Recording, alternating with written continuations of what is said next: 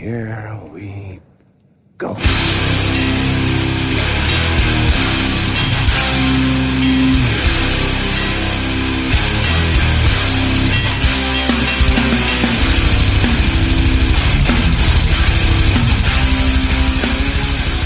Sådär, avsnitt 101. Fan, man kan säga det. Av Nere på Noll Podcast. Eh, Jag, Robin Lindblad, sitter här med Danne Nätterdal, Goddagens. David Olsson God kväll. och vi är tillbaks efter en 100 specialare, den längsta i poddens historia. Lite slirigt på slutet är det. Nej då, det var ju asgött. Eh, Kul var det. Tack som fan för alla inskickade frågor och all, all jävla cred som vi fick. Ja, verkligen. Jag hoppas alla som hade beställt har fått sina t-shirts nu. Jag tror det. Alla som ska postas i alla fall. Det är Ja. några som ska lämnas över personligen också. Så det, vi, vi bara dansar rakt in i, vi har, dagens tema är ju hiphop och hardcore. Men eh, vi börjar ju som alltid med feedback och hänt i veckan och det var jäkla massa feedback den här gången. Eh, till att börja med då, eh, designen av de fantastiska karikatyrerna. Eh, Psykopati-fansign skrev Bra diskussion att ni tog upp angående mors och oskrivna regler i morsen. Jag håller med om att det är en stor del av HC-scenen och gör den så speciell och cool. Men samtidigt, ända sedan jag skadade ryggen på Alive and Wellfest 2018 så har jag fått mycket tid att tänka på både de bra och de jobbiga aspekterna med mors och stage diving. Sen så, eh, jag gjorde ju bort mig lite där eh, när jag sa, eh, och vilket Jens Karlsson påpekade, eh, Steven Adler spelar ju inte vad det nu jag var, eh, vad det nu var jag sa eh, att han gjorde, utan eh, han spelar ju eh, Trummor i Guns N' Roses. trummor i Guns N' Roses. Det skulle man ju ha rättat, så det är ju fel, fel av oss att inte märka det, för det var ju ett, ett eh, klavertramp av Guds nåde. Verkligen. Skyller på champagnen där alltså. Eh, sen så skrev eh, Anders Lövgren, bra avsnitt, eh, Suffocate for fuck's sake, dåligt bandnamn men jävligt bra musik, tack för tipset. Ett avsnitt om enbart Earth Crisis och Syracuse-soundet bör avhandlas. Eh, Path of Resistance, God Below, Santa Sangre, Unholy, The Promise, Trail of Lies, Kabal 315. Eh, mer, Green Rage. Det ja, finns mycket skit här alltså. eh, mer på ämnet veganism, straight edge, prata addiction och psykisk ohälsa kanske. Jävligt bra eh, förslag. Fick även eh, uppmaning att köra ett avsnitt om dåliga bandnamn. Ah! Kan bli kul. Nice. Thomas Renström skrev in också. Eh, Det var han som sa det. Ja, okej. Rupture, klassiskt fastcore-band från Australien, började med PK-texter för att sedan göra en kovändning och bara ha provocerande texter. Eh, De har även gjort en låt om allas våra nationalskald Åke Henriksson. Eh, text och video eh, nedanför. Åke är Gud heter den låten. Sen så eh, skrev eh, Filip Turner skrev eh, Som ur Ljungbybo kan jag inte minnas att det fanns några straight edge entusiaster i stan. Eh, fanns även bara rent, ett, ett renodlat hardcoreband vad jag minns. Mest käng som gällde. Eh, Pro, Projekt 43 hette de, här är skivan. Och så la han upp en bild på det. Sen så eh, skrev eh, Martin Egelius, eh, nu har jag äntligen kommit igenom avsnittet, bara en liten kommentar. Försvara second amendment, rimligt. Vara flat earther, orimligt. Eh, Jens Norgren skrev in, eh, såg Disnuts för några år sedan i Örebro och de betedde sig som riktiga assholes. Eh, gitarristen stod på scenen och snackade skit om bokaren mellan varannan låt. Tror hela beefen grundades i att de hade skrivit på sin rider att de ville ha falafel när de kom till spelstället. Eh, det var ordnat men bandet hade bestämt sig för att de ville ha pizza istället. Det kanske validerar då åsikten som framfördes i någon fråga om Disnuts var världens sämsta hardcoreband. Kan flika in eh, här, här emellan då att den utlovade recensionen av Misfits Chicago-gig som våran Misfits-korrespondent Per Ingmarsson skulle ha gjort har uteblivit på grund av att SAS inte kan behandla sin personal på vettigt sätt att de måste strejka. Just det. Så Per fick stanna hemma med bokad biljett och flyg och hela kittet. Så det, hårda bud alltså. Hårda bud. Eh, Rickard Waychester skrev, eh, precis lyssnat klart på avsnitt 100 som var kanon. Eh, var gött som fan att ha i lurarna när man jobbat helg. Eh, på tal om Disnuts bandnamn så har jag alltid trott att det kom från Dr. Dres låt med samma namn, men kan ha, kan ha fel. Ja, det var någonting för eh, hiphop hardcore eh, avsnitt. Jag Verkligen. var serverat att det kom från skate. Ja, det ju- gör det från Men jag vet inte vad som var först. Eh, Morgan Pettersson skrev eh, Måndagsmys med nere på noll. Eh, de har nu för, förmått mig att köpa biljett till Alive and Well. Eh. Nu ska det bara inhandlas biljetter till Örebro Hardcore Fest. Det kan vi flagga lite för att det är högst oklart där. Eller- Ja, jag skickar faktiskt ett eh, sms här innan till, till bokaren och frågar. Nu är det sista avsnittet vi kör innan det är dags. Eh, vad är det som gäller? Det känns lite luddigt. Det är Bold som ska komma och spela. Problemet är väl att de Ja. inte har en lokal. Precis, och det här är ju fan av största vikt att folk eh, sluter upp för, för det är ju det är ju en stor bokning, Bolds enda Sverige-gig, och det har ju rådit jävligt mycket oklarheter i hur det här hur det ska bli. Så jag vet inte fan, jag hade ju hoppats att kunna tvinga nu alla att eh, boka, boka sina resor och biljetter nu. Eh, Men vi får, får väl helt enkelt räkna med att det, att det kommer bli av. Ja, Eh, och blir det det så blir det ju extremt fett. Hag, Lost Creature och Prison Riot. vidare då. Eh, vi pratar ju lite om Death Wish i avsnitt 100 och eh, Daniel Johansson skrev Eh, eh, gillade frågan om Death Wish och era topp tre släpp Fick eh, mig att gå igenom mina favoritskivor på bolaget och det blev fyra stycken på delad första plats. Eh, men framförallt det han skrev var en önskning om framtida tema på just Death Wish eller Good Life.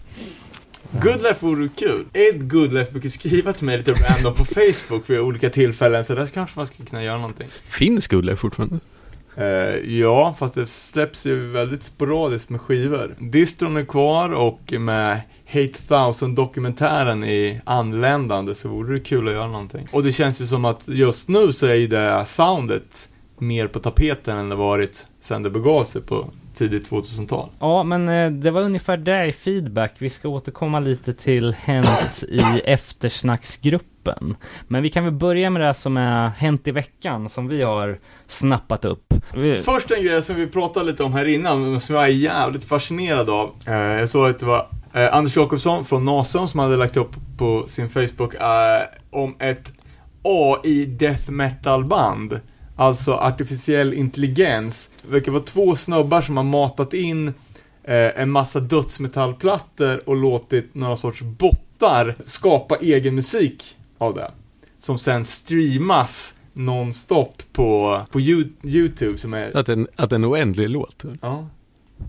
Sjukt. ja, jag är sjukt fascinerad. Jag har lyssnat på det länge alltså. Det är, det är jävla sjukt alltså. att du klarar av det, för jag tyckte att fan, det var ju, det kändes mer som så här, någon form av tortyr-soundtrack liksom. Ja men Eh, alltså det kan, det, det är ju som någon sorts jävla slumpgenerator så att Ja. det kan ju vara, det kommer upp feta Att det är lite spännande att det kan komma vad som helst. Ja, och jag, Det var jag satt i och för sig och kollade på videos när någon jävel grävde ett hål. Ja, i och för sig. Sant. men det är ju sjukt intressant att det går. Att bara mata in lite olika, ja ja, det är här i ditt område Robin, men algoritmer eller vad fan det är. Mm. Och sen kan, eh, kan datorn göra, skriva musik själv. Just det. Såg jag även att eh, personerna bakom det här projektet även släpper olika saker. Till exempel en, eh, ett AI-projekt som har grunden i Punk and Drublic och sen som datorerna fritt tolkat till egna Punk and Drublic-låtar. Sjukt intressant, det här måste Ja. vi länka upp om det är någon som inte har kollat det. Verkligen. Ja, jag tänkte börja med eh, Världen brinner, punkbandet från Västerås, eh, som för ett år sedan släppte sin debutplatta Slöseri av tid. De har släppt en ny låt som heter De mördade Ida, eh, som handlar om eh, kvinnor som blir eh, utsatta för övergrepp och eh, ja, de släppte en sjukt tung video. Ja, till, verkligen. Alltså, eh, det är ett sjukt angeläget ämne, men det är också så jävla, alltså, det är verkligen, verkligen supermörkt. mm, Så det är ju verkligen, alltså, lite på att, ja, så att säga, det är inte det mest säljiga ämnet att skriva låtar om. Alltså. Och ännu större anledning då att gå in och supporta den här videon och... Eh, Men jag har sett att det här har dykt upp på jävligt många ställen, så jag har fått bra, bra spridning, så det är eh, viktigt. Verkligen. Ja, Från, från tungt till mörkt då. Eh, H2O, släppt badrumsmatta. det är fan tvivelaktig merch deluxe. Eh, inte helt oväntat dock. Att det Eh, skulle bli... Nej. Eh, eh, det senaste då i, eh, i eh, eh, följetongen Chromags. Eh, de har ju nu kommit med en settlement och det var ju som vi misstänkte att Hardy Flanagan har nu tagit över namnet Chromags.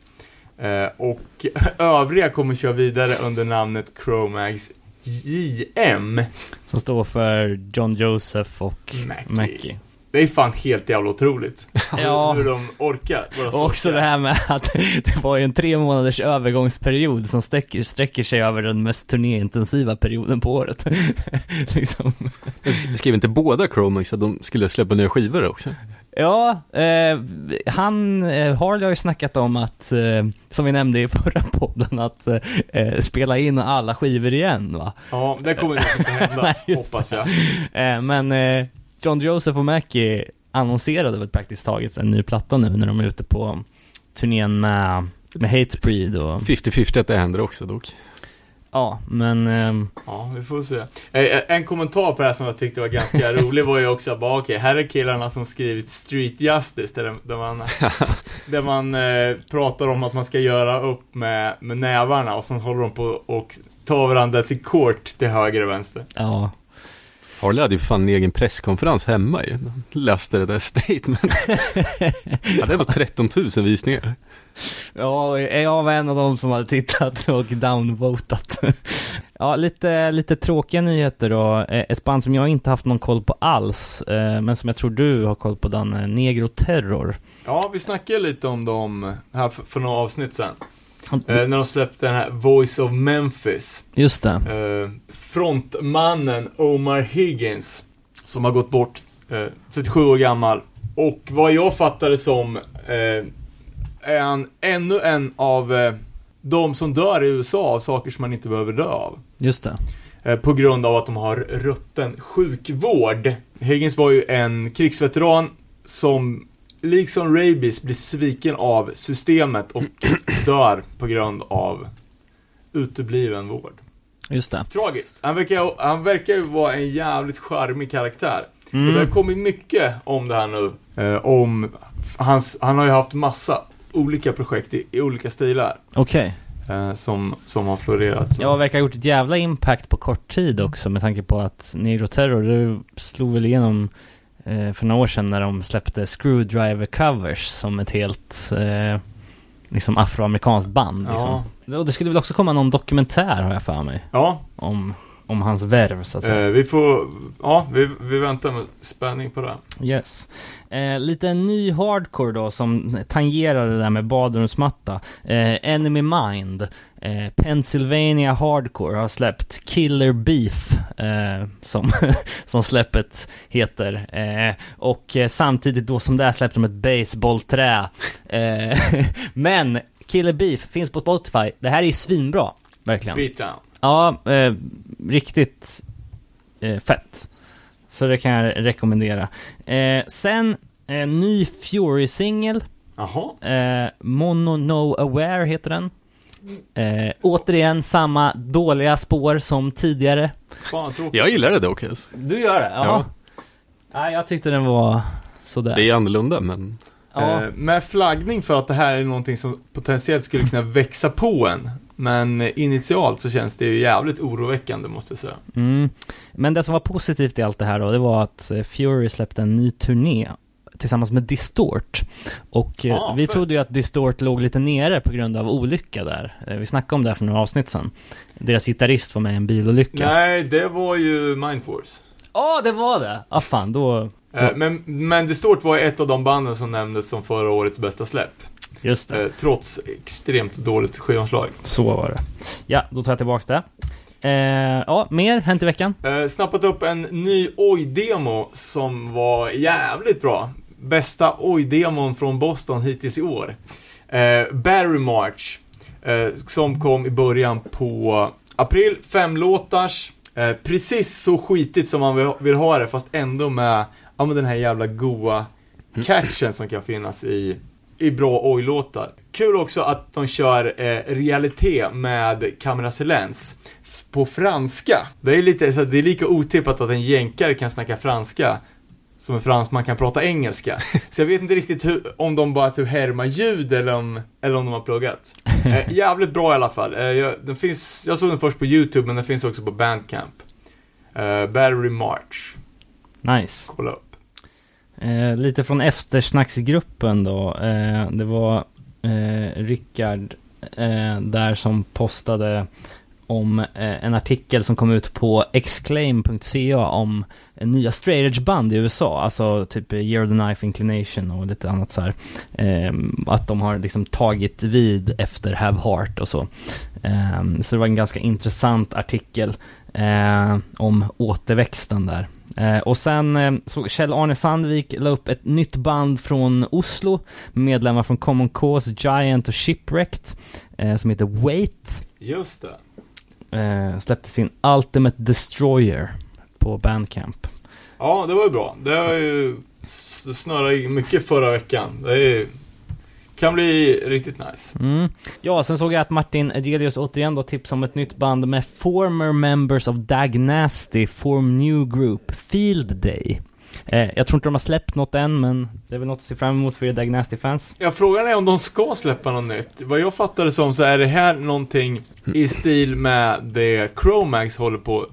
Jaha, de ska köra Dag Nasty-låtar? Att de ska dela upp sig och spela olika delar av katalogen. Och att det här ska vara låtar från bland annat Field Day och kanske Wig Out och Dankos, heter den där?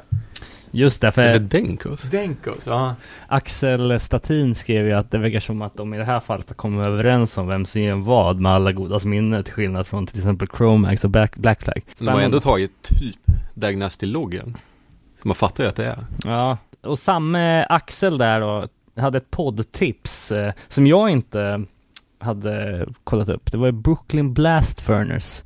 Eh, Ja, men det har jag lyssnat en del på. Det är ju bra. Mycket New York Hardcore. Mycket tough guy-snack. Ja, och övrigt hänt i veckan då. Lite gigs. Vi var på Dia Salma i fredags. Eh, bra var uppslutning ju får man där för säga. Prison Riot. Ja, exakt. Prison Right, Dia Salma. Eh, En ohelig allians. På, på Frimis trädgård där. Eh. Släppa en split 7 nu hörde jag. Ja, det vore ju något. eh, men det var en fet spelning. Eh, Dia Salma eh, var ju oväntat pigga tycker jag. Ja, det, jag tycker det bästa de gjorde, det var ju att de hade en bakgrundsprojicering med en bild på Jönssonligan. och Janne Loffe Karlsson och Jan Malmsjö var på, vad heter det, drumheads på baskaggen. Ja, just det. Just det. Eh, och sen så var jag på eh, Stockholm Slaughterfest igår. Eh, intressant upplägg då i och med att det var på både Kraken och Slaktkyrkan. Eh, Samtidigt. Ja, eh, det var ju så vartannat, vartannat band liksom. Så man såg... Hur långt är det däremellan? Ja, Två kilometer. nej, 50 meter kanske. Ja. Det var ju den här stora scenen där vi såg Cocksparrow. Ja. ehm, som var på Kraken då. Ehm, det var det är extremt dåligt ljud i den lokalen måste jag säga. Alla stora, de största artisterna på den här festivalen spelade där. Och sen så gick man över och såg de lite mindre akterna på, på själva Slagskyrkan då. Men eh, Men det här är en black metal-festival. ja, det, så säga att det var black, black dödstema liksom. Men blir det inte jävligt så här, stämningspajande om man ska gå ut i solljuset mellan gigsen? Ja, jo. Eh, Vissa av de här black metal-personerna börjar ju brinna om de liksom. Men det som var mest stämningspajande, det var ju att eh, på vägen upp så ställde bandet som jag i, i huvudsak hade köpt biljett för in. Så man liksom kom ut från Max utanför Också på grund av den Eskilstuna. där flygstrejken. Ja, och bara Nej, det finns ingen möjlighet att de... Och då hade de även de hade skrivit på festivalens eh, Facebook på, på morgonen att så här, det är lugnt, strejken drabbar oss inte på något sätt. Man bara, Kom fuck hit. yeah. Ja. Och så Men, man- ja, men var det en, en headline-akt? Vilka var det?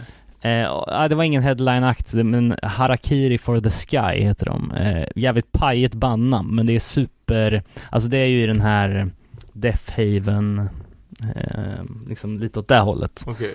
Eh, Skjorteblacken. Ja, fast de är ju liksom metalfolk. De är, de är extremt duktiga på melodier och, och sådär. Men liksom melodiös Black. Vad var det mer för band? Jag såg Impale Nazarene skulle Ja. jag Eh, Lite halvkul att få se dem, men man har ju haft dem i periferin i sitt musikaliska lyssnande under jävligt många år, men de var ju eh, kvällens fulaste band. Ja, de spelade också på Kraken där det var sämst ljud. Eh, det som var bäst, jag gillar ju Månegarm som är ett svenskt, eh, liksom så här, Amon Amarth stukband. Eh, och även Shining är ju ehm, ett favoritband för mig. Så det var kul att få se dem. De som kör själv mutilation till Kent. Ja, Låter exakt, det. exakt. Eh, och sen så spelar ju MGLA som är ett så här, eh, jag vet, jag tror, jag vet inte, Muggla. Muggla, ja. Som är väldigt hypat band med medlemmar från eh, Behemoth, eh, eller gamla medlemmar från Behemoth. Och sen så var det ju Rotting Christ, som också är ett sånt där gammalt Coolt. legendariskt band. Eh, så att det var, det var en hel kväll ändå får man säga. Men hur mycket folk var det? Eh, det var slutsålt. Så att, det innebär tusen pers? nja, mer kanske åt 500 pers skulle jag säga.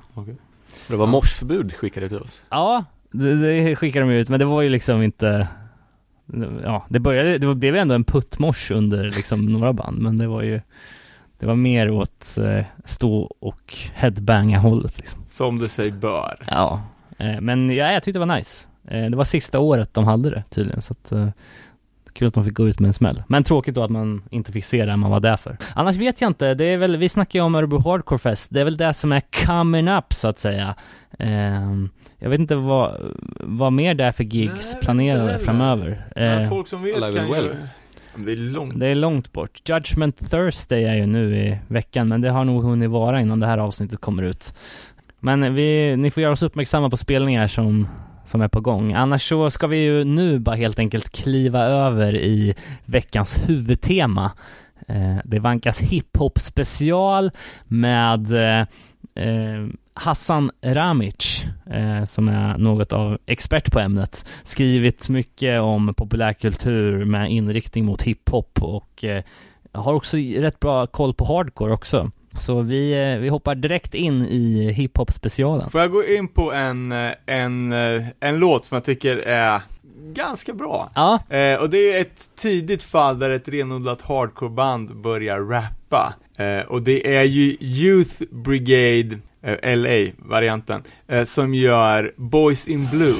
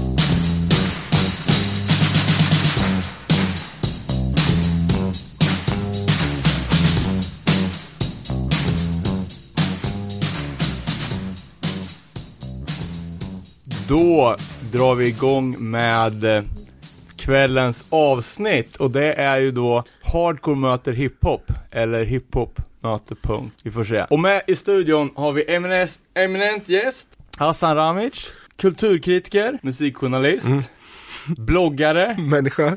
allmän go-to-snubbe när det ska tänkas till om musik och även hjärnan bakom hardcore-projekten Circle Pit Plow och Örebro Thugs. Välkommen! Tack så mycket Eller Daniel. Joe kanske man ska säga. Om, säg aldrig Joe igen. Uh, Örebro Thugs var någonting, något projekt som ni hade tillsammans med Ja. Skogis eller? Ja, för fan. Nej, Finns det inspelat? Nej, som tur är. Nej det var när vi hade... Stavar ni med Z? Det gjorde du garanterat. Jag tror inte vi kom så långt som till logo. Men Ja, det här var ju. Örebros svar på Scarhead. Aha. Jag tror att jag så här, eh, inombords invände mot detta men jag tyckte bara det var så här, ah, men det, hade, det skulle vara kul att lira lite så här vanliga instrument igen så att det var, jag, jag hoppade på bara. Sen så, som tur är så blev det inget. Ja, stort väl- välkomnande i alla fall till podden. Mm, tack så jättemycket grabbar. Vi ska börja från, från eh, början helt enkelt. När och hur började du intressera dig för musik? Och då relevant musik ifall du körde någon ABBA-hype där på. Ja, nej, det, så, som, som tur är så är det inte så, utan jag blev inkastad i djupändan. Ehm, jag är uppväxt, eller i alla fall mina första 11 år i Bosnien, i Sarajevo. Och i just den delen av eh, Sarajevo där jag växte upp var thrash metal en väldigt stor grej. Så det tog inte lång tid innan jag avancerade genom Master of Puppets till Rain in Blood. Och jag var där liksom. Och sen så kom Anthrax och Public Enemy tillsammans med en låt och jag introducerades för rap. Sen så kom det ett krig och jag kom till Sverige och ja, som det barn av eh, MTV-generationen som man är satt jag uppe en natt, såg en intervju med Wu-Tang Clan och bara pekade med hela handen och bara, jag vill vara med. det, där, det där, så där vill jag klä mig, så där vill jag se ut, så där vill jag bete mig.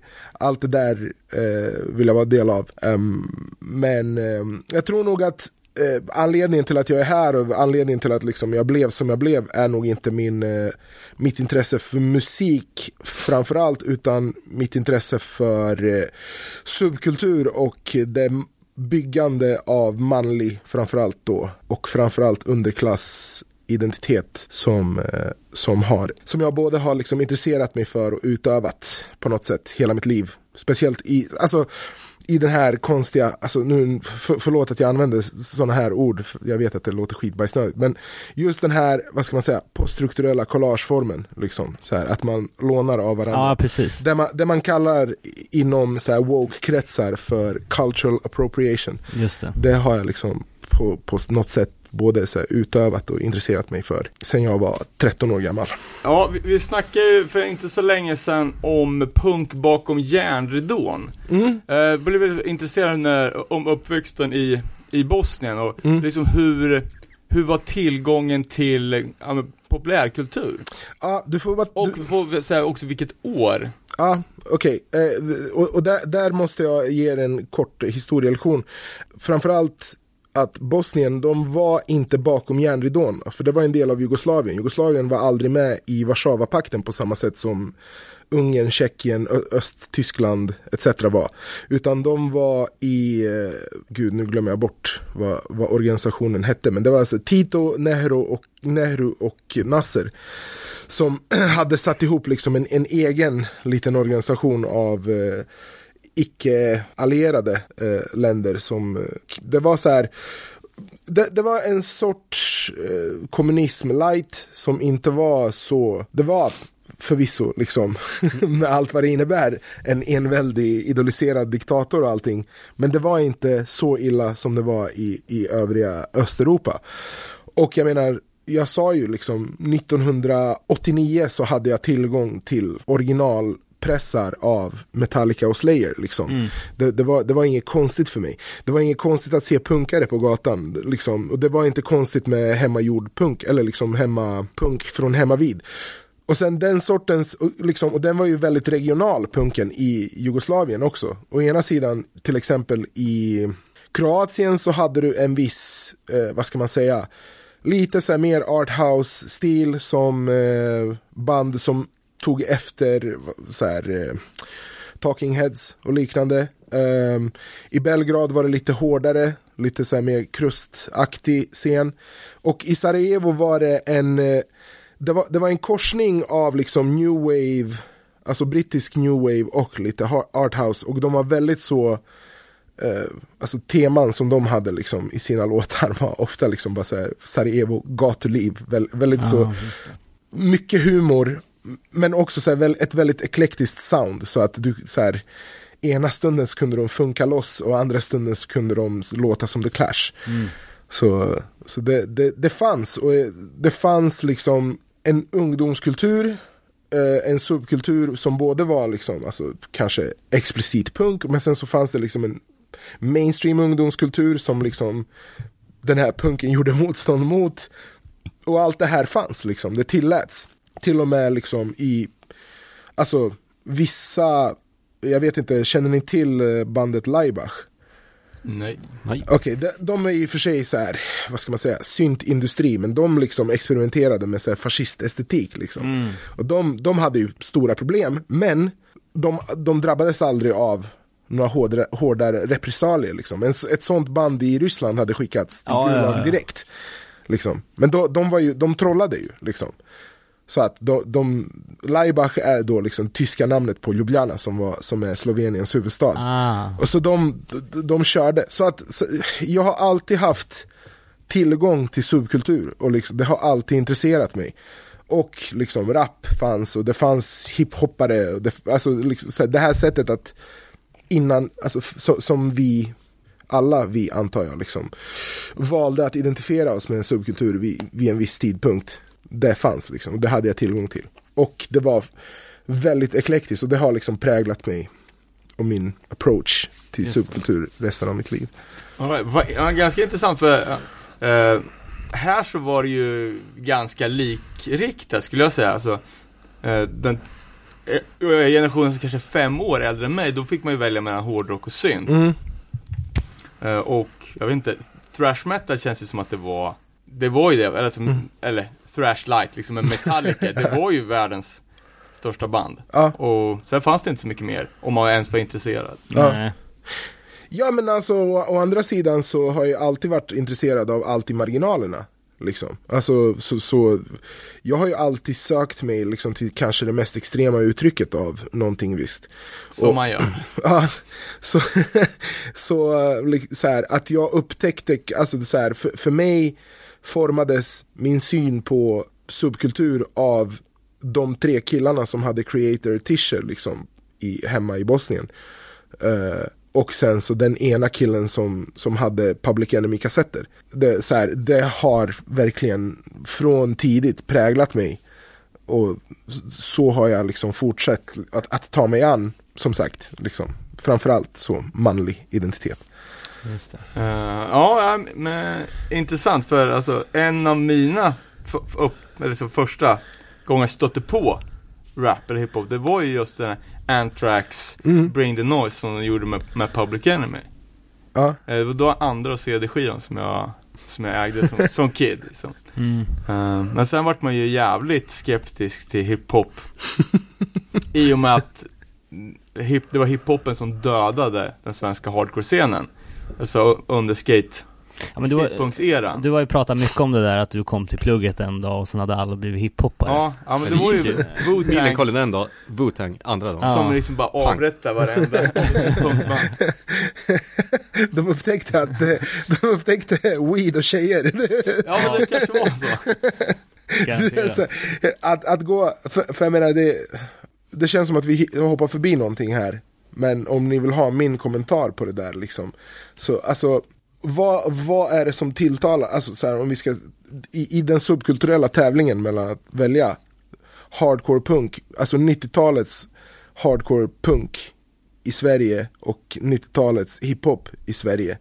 Så å ena sidan så har du typ så här, alltså vem, vilka var det som dikterade vad som var coolt på 90-talet i hardcore i Sverige? Det var ju Refused. Och du ska vara nykter. Du ska läsa Marx.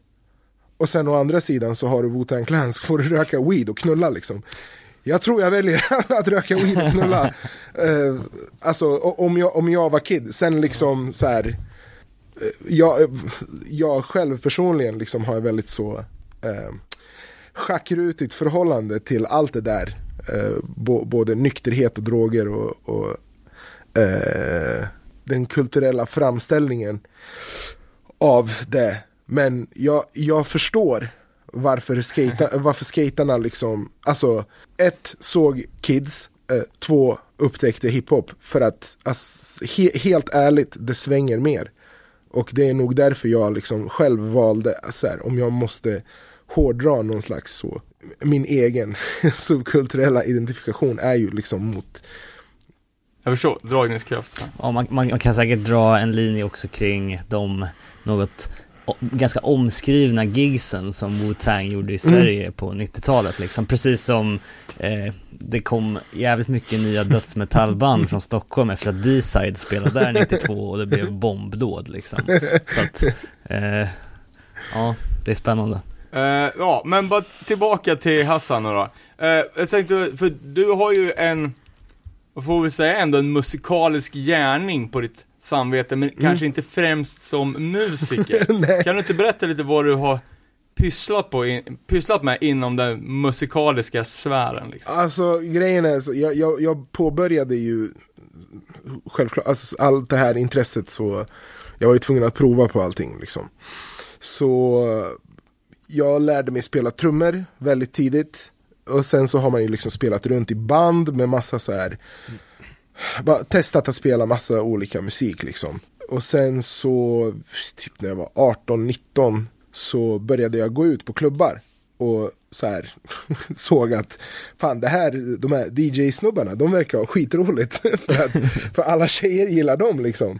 Sen så upptäckte jag liksom så här att den bästa musiken är egentligen liksom den musik som tjejer gillar att dansa till så att då, då bestämde jag mig så här för att, ja men vad fan, jag kan ju redan, jag har ju redan taktkänsla, jag borde ju kunna lära mig att DJa så att då gick jag över till att börja DJa, sålde av liksom jag hade typ någon jävla Ampeg-rigg. På, på den tiden så spelade så ville jag spela bas, det var liksom min Jag min tror att grej. jag lirar väl på den Ampeg-riggen med David Price idag.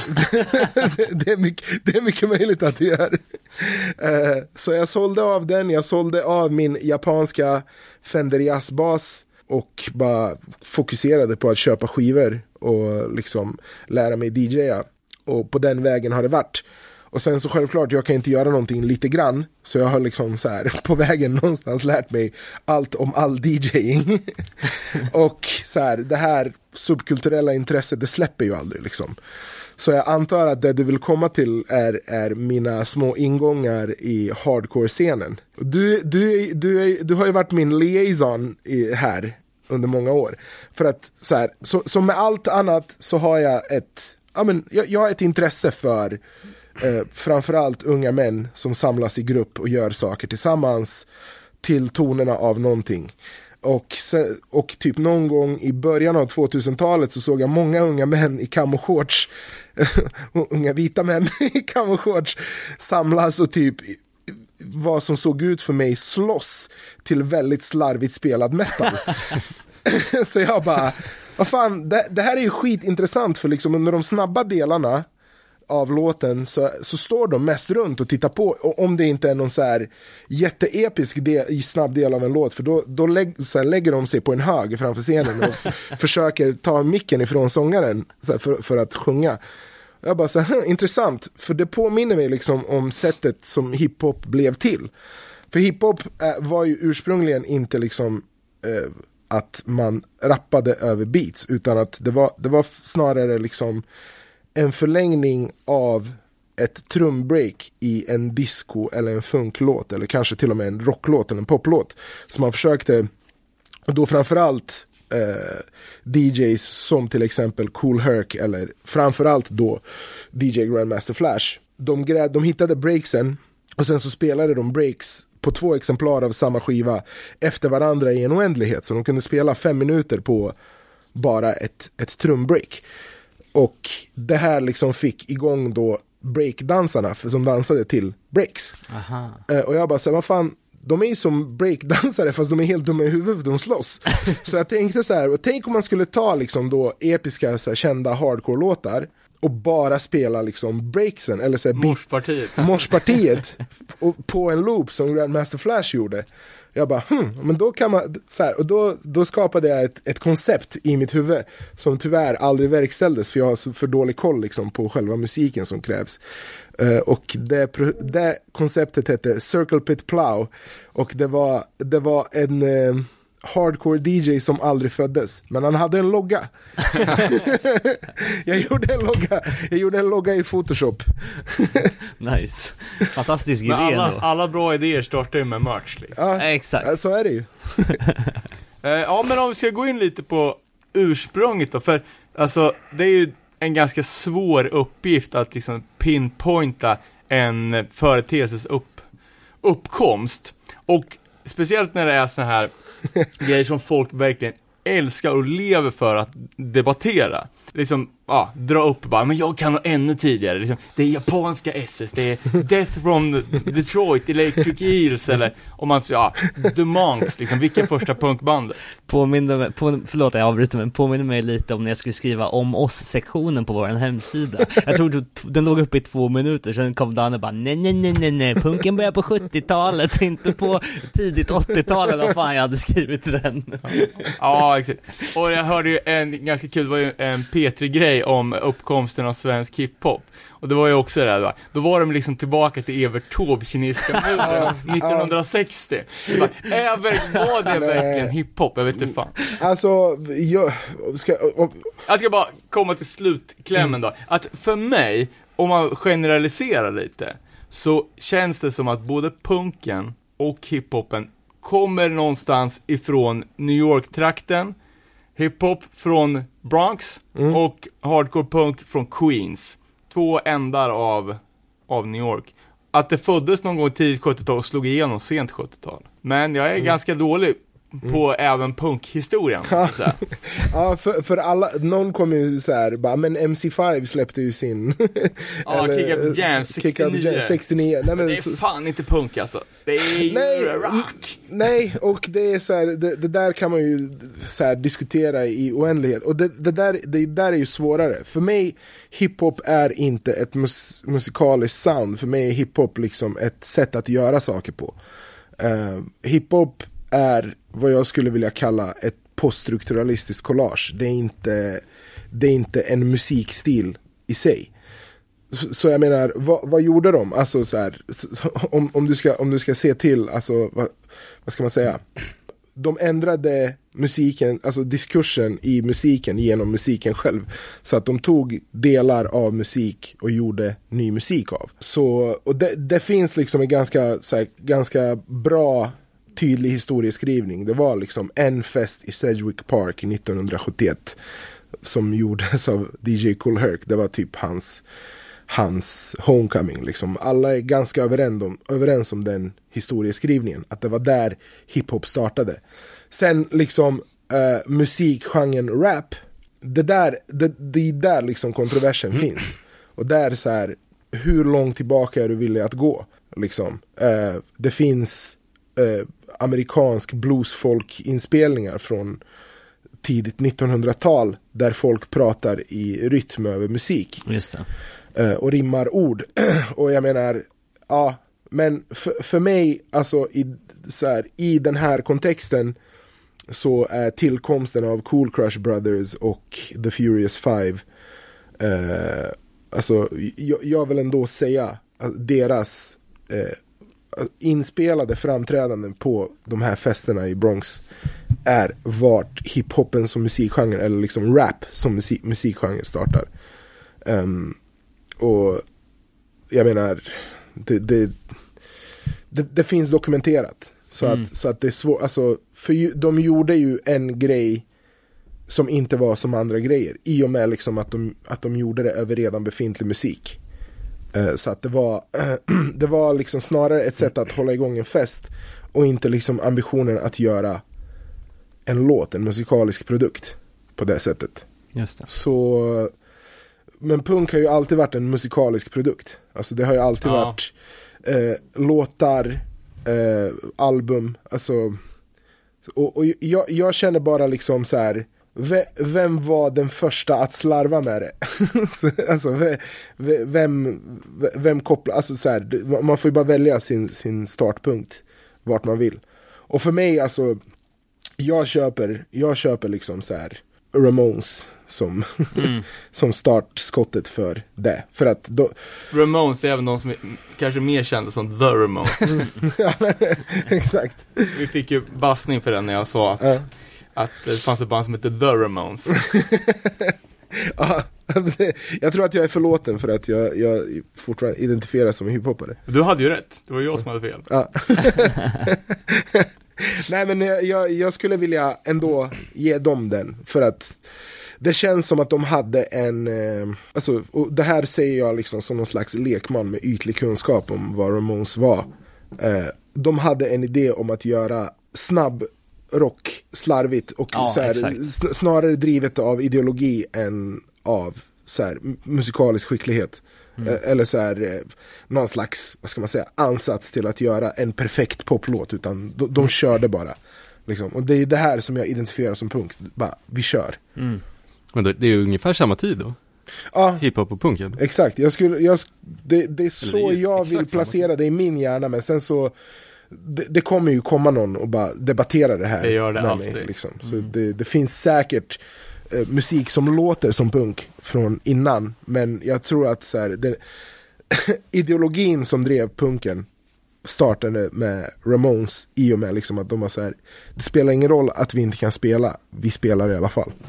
Och det, det, var, det, det är väl där liksom de två grejerna har gemensamt. Vi kan inte sjunga, vi har inga instrument. Nej men vi har, vi har skivor, Ja. vi har skivspelare, vi kan inte sjunga, nej men vi pratar. Vi har inget ställe, vi gör en illegal gatufest. Exakt, vi, vi, vi tjuvkopplar el. Så, så det, Och det vi gör väl- det själva Ja, framförallt. exakt, vi, vi, gör, vi gör det själva och det finns massor med skillnader men det är väl liksom stora likheter. Men vad, vad tänker vi, om vi undantar nu då Ramones från det här, för de har lite, lite dålig koll på vad de, vad de egentligen har för klasstillhörighet. Men det känns ju som att det, den sena 70-talspunken från New York, typ Richard Hell Television och dem, att det var lite mer art school, Mm. eh, vad var det för som hiphop-kultur, vad kom det ifrån, ifrån för samhällsklass? Var det akademiker eller var det supergetto eller? Alltså det var de absoluta, alltså, de, de pionjärerna var framförallt barn till karibiska invandrare. Eh, som bodde i the Bronx. Alltså, om man ska prata om Cool Herc och Grandmaster Flash, liksom, som de som startade hiphop. Eh, Grandmaster Flashs päron kom från Barbados, eh, Cool Hercs päron kom från Jamaica. Och liksom, eh, det de tog med, det, liksom, det man vill tillskriva att de tog med sig från öarna var soundsystemkulturen och gatufestkulturen.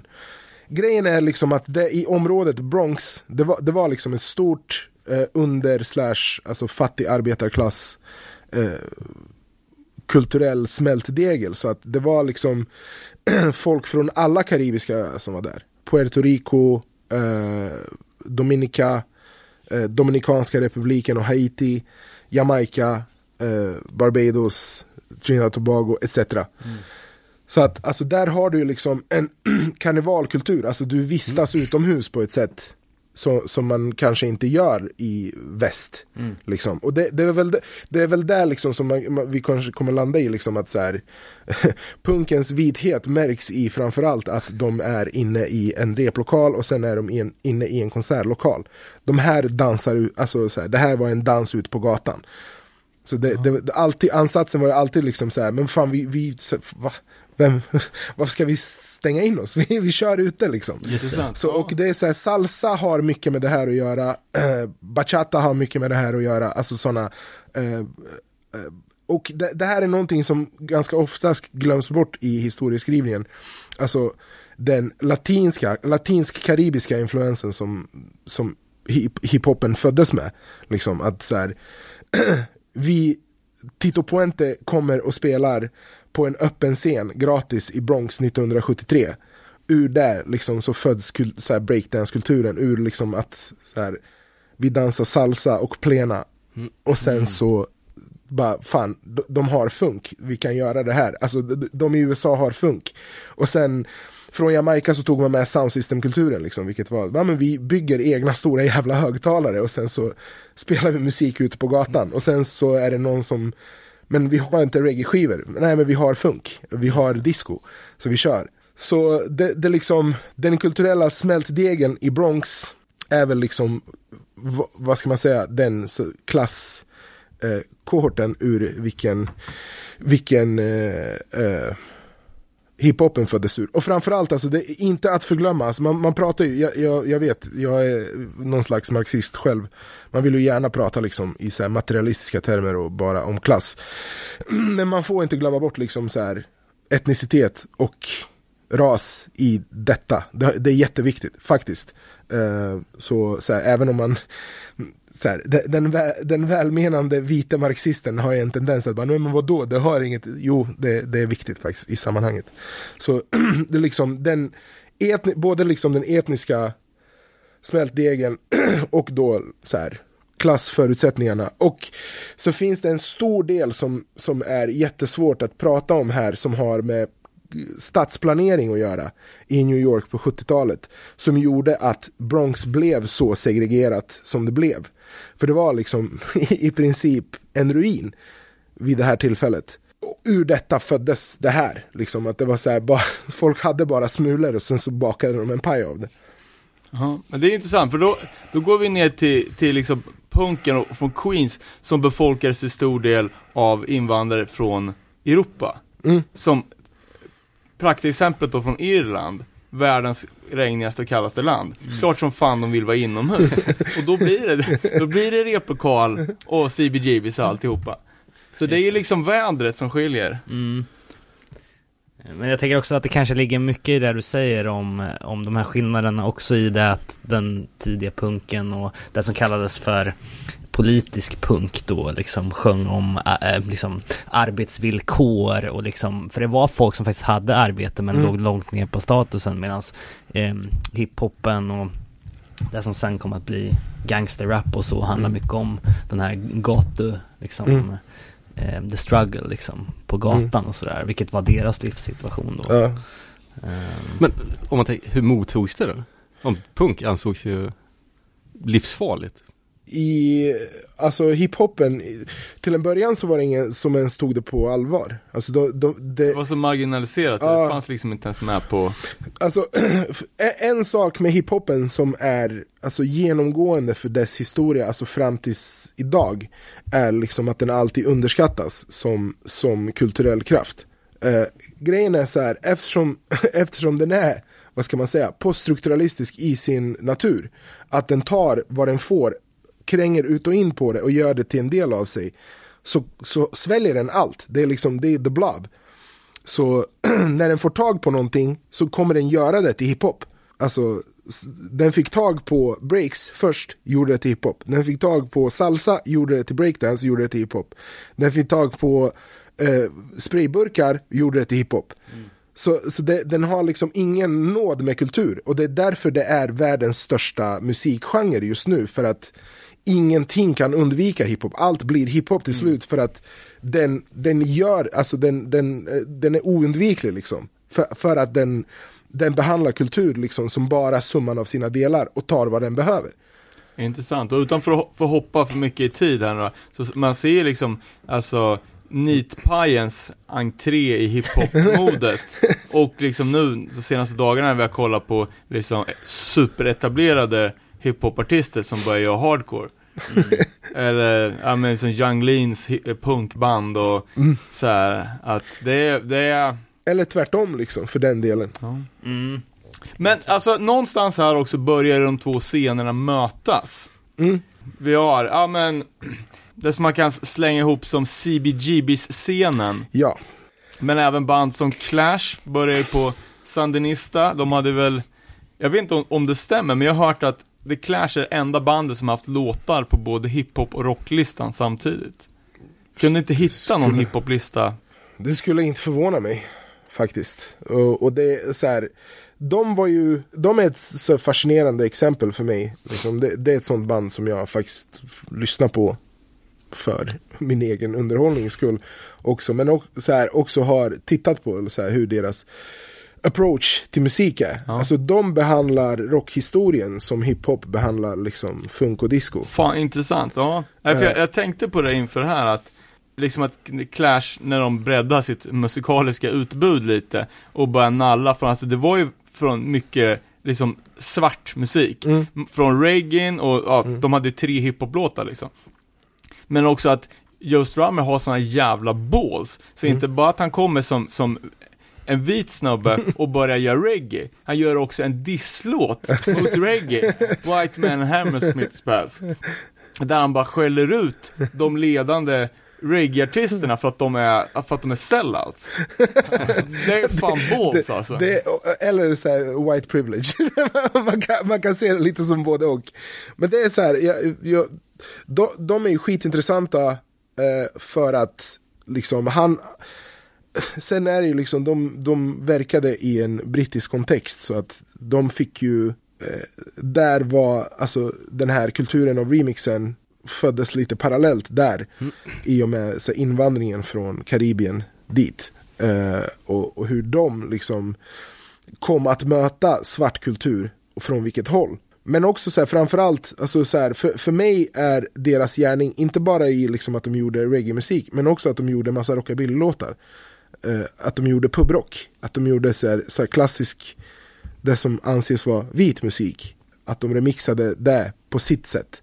Eh, så att och de de var ju på skan också. Ja, exakt. Och de, de var ju på allt. Eh, så, men för att återgå till CBGBs eran, alltså det finns några viktiga, viktiga figurer där som, som tål att nämnas.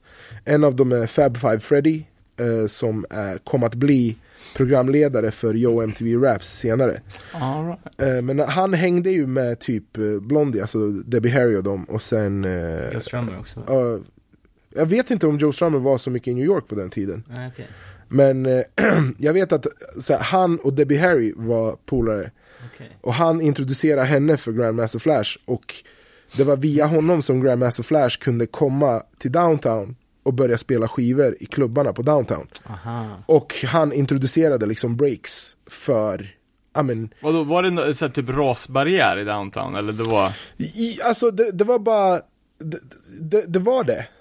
Eh, och liksom Fab Five Freddy var typ en av de första som, ja men han ville hänga med de hippa konstskolekidsen. För att han tyckte de verkade coola, han, han var, förmodligen ville ligga med brudarna liksom. Och så här, Debbie Harry var het liksom, så jag antar att han, han, han, han ville, han ville eh, ge henne liksom Och Debbie Harry är då artisten som Artist, sen blev Blondie. Blondie. Ja, exakt. Eh, hon, hon var ju med i, hon sjöng Hon är i sångare Blondie. i band. Hon sjöng i Blondie liksom. Eller sjunger fortfarande om Blondie finns. Eh, I alla fall så på något sätt så skedde det liksom via honom och via liksom så här, ett par figurer till att ja, men, DJs från downtown, alltså från Brooklyn eller från eh, Bronx eh, började komma liksom till ja, men, Lower East Side till Manhattan till, och börja köra liksom på klubbarna i Manhattan. Och så då, då var det så här, Africa Bambata kunde, fick spelningar där. Um, uh, cool Herc fick spelningar där. Och framförallt, alltså Grandmaster Flash är väl liksom den som, som är den stora figuren i det här.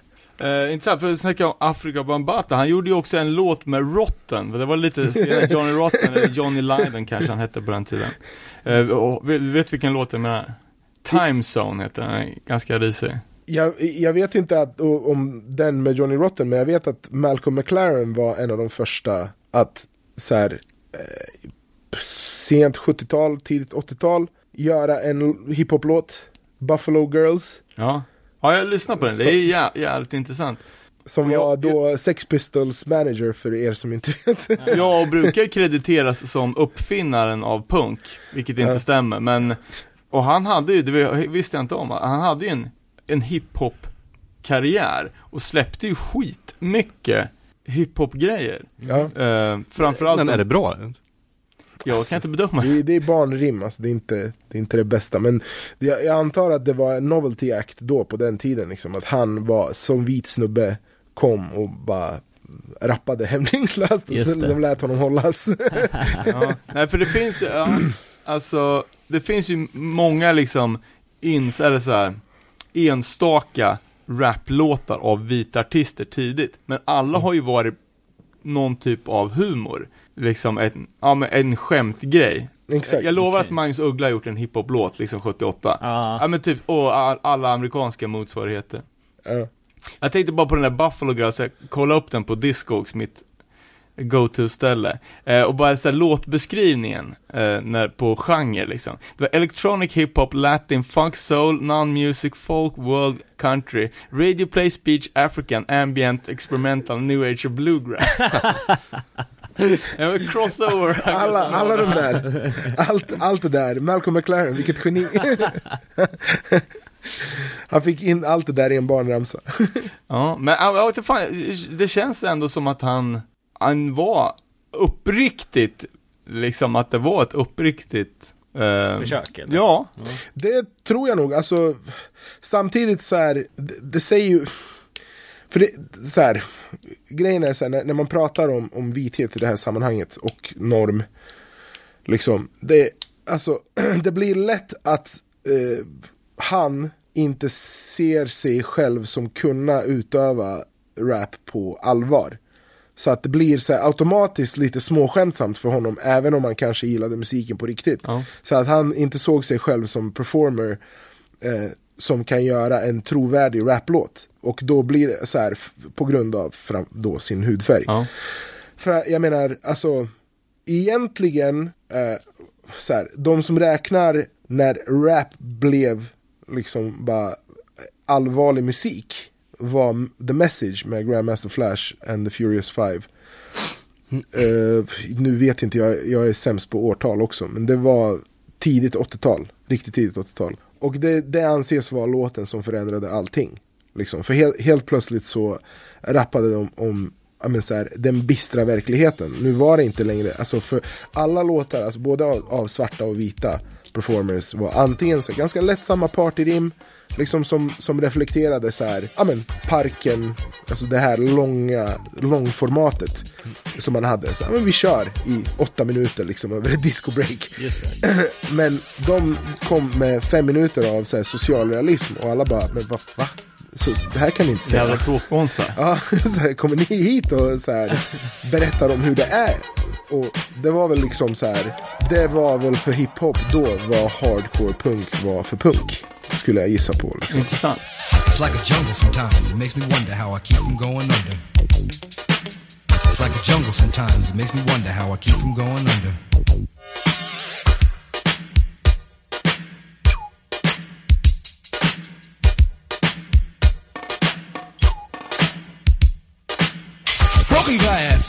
Everywhere. People pissing on the stage, you know they just don't care. I can't take the smell, can't take the noise. Got no money to move out, I guess I got no choice. Rats in the front room, roaches in the back. Junkies in the alley with the baseball bat. I tried to get away, but I couldn't get far. Cause a man with a tow truck repossessed my car.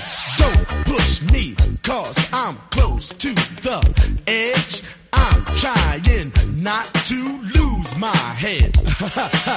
it's like a jungle sometimes. It makes me wonder how I keep from going under.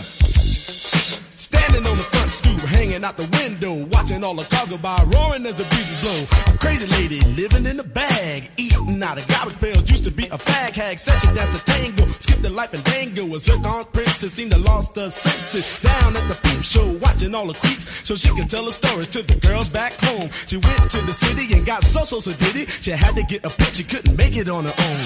Don't push me, cause I'm close to the edge. I'm trying not to lose my head. it's like a jungle sometimes. It makes me wonder how I keep from going under.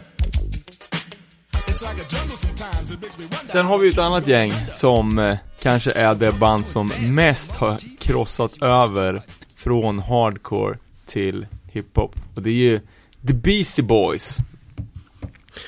Fan, eh, har, har, har ni lyssnat på deras eh, punk Oh ja. grejer? Polywog Stu 7 vet du, den går det, riktigt det, det går varm. Egg raid on mojo. Ja, svinbra. ja. Jag trodde att det var en hatlåt mot tidningen Mojo. Nej, ingen Men det handlar ju om en eh, dörrvakt som inte vill släppa in dem på någon klubb. Just Då hade de det. också- Säkert ett vanligt förekommande eh, fenomen för dem Mm. på, på 80-talet. Innan de slog igenom. Eh, de var ju, det, det där är ju intressant liksom, för de, de ville ju göra musik på, alltså de ville göra hiphop på allvar. Eh, och det får man väl ändå ge dem att de har lyckats med. Att de har skapat, alltså och också inte bara liksom så här att bli som någon slags här crossover-akt att du vet på ett eh, oironiskt sätt introducera vitheten i hiphop liksom, utan att eh, alltså det där är ju en av Questloves favoritakter. Eh, så, så här, de har ju jättemycket de har ju jättemycket cred i hiphopen, alltså de är väl de, som, man- som man säger, de, de är väl så här rasdrömmen eh, i amerikansk kontext liksom, att de har, ingen bryr sig om att de är vita, utan de är bara Beastie Boys. Just det. Och det, det är väl så, alltså, det är väl varje Wiggers dröm antar jag, liksom, att, att bli så accepterad på sina egna villkor, liksom, med, sitt eget, med sitt egna bidrag. Får bara citera min eh, gamla kompis Alf Sutter, Rest in Peace. Drömmen om att eh, alla mina fräknar ska förenas så att jag en gång blir svart. Rest in Peace. Rest in peace, så jävla, Affe, jävla bra sägning. Vart var vi någonstans? Nej men vi var väl, vi var väl vid, vid Beastie Boys.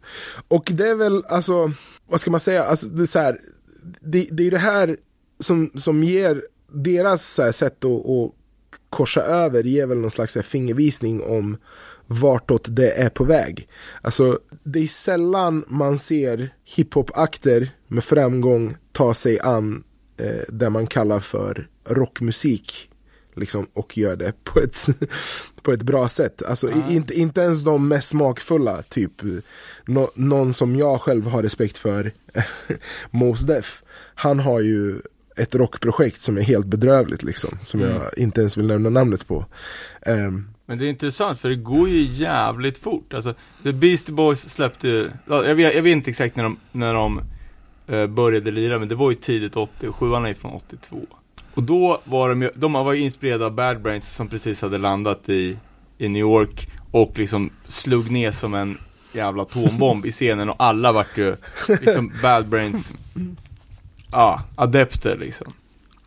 Och då eh, spelade de ju hardcore, men det gick ju ganska snabbt ja, för dem att, ja, första hiphop-låten de gjorde var ju Cookie Puss, som är, jag vet inte ens alltså det är en Eh. busringning ja men det, på ett det, beat. det är en buss, de pratar ju om det här med Det var någon podcast som jag hade lyssnat på nyligen Där de blir intervjuade om just liksom Cookie Puss och eh, deras tidiga historia Och de är så här bara, "Varför- vi hade ingen aning om vad vi, vi höll på med. Men det här var så här De hade En av dem hade en äldre syster som var ute på klubbarna. Och hon hade tagit med sig någon så här Curtis Blow 12 och de ville så här vad fan, vi vill också vara, vi vill också göra det här som Curtis Blow gör. Och så försökte de liksom göra det där. Och eh, det gick väl som det gick, alltså det var, så här, det var roligt, den lilla roliga grejen, men sen så, så här, kom de till eh, under Rick Rubins Ja, precis. the, the, harsh, the harsh tutelage of Rick Rubin.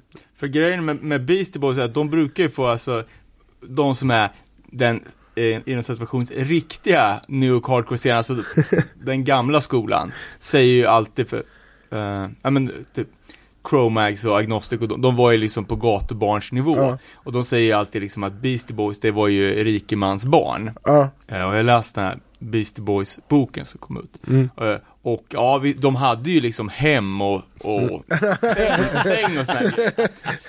Eh, Och deras föräldrar, de, de var ju, alltså det var ju bohemer. ja, någon var ju konsthandlare och så här.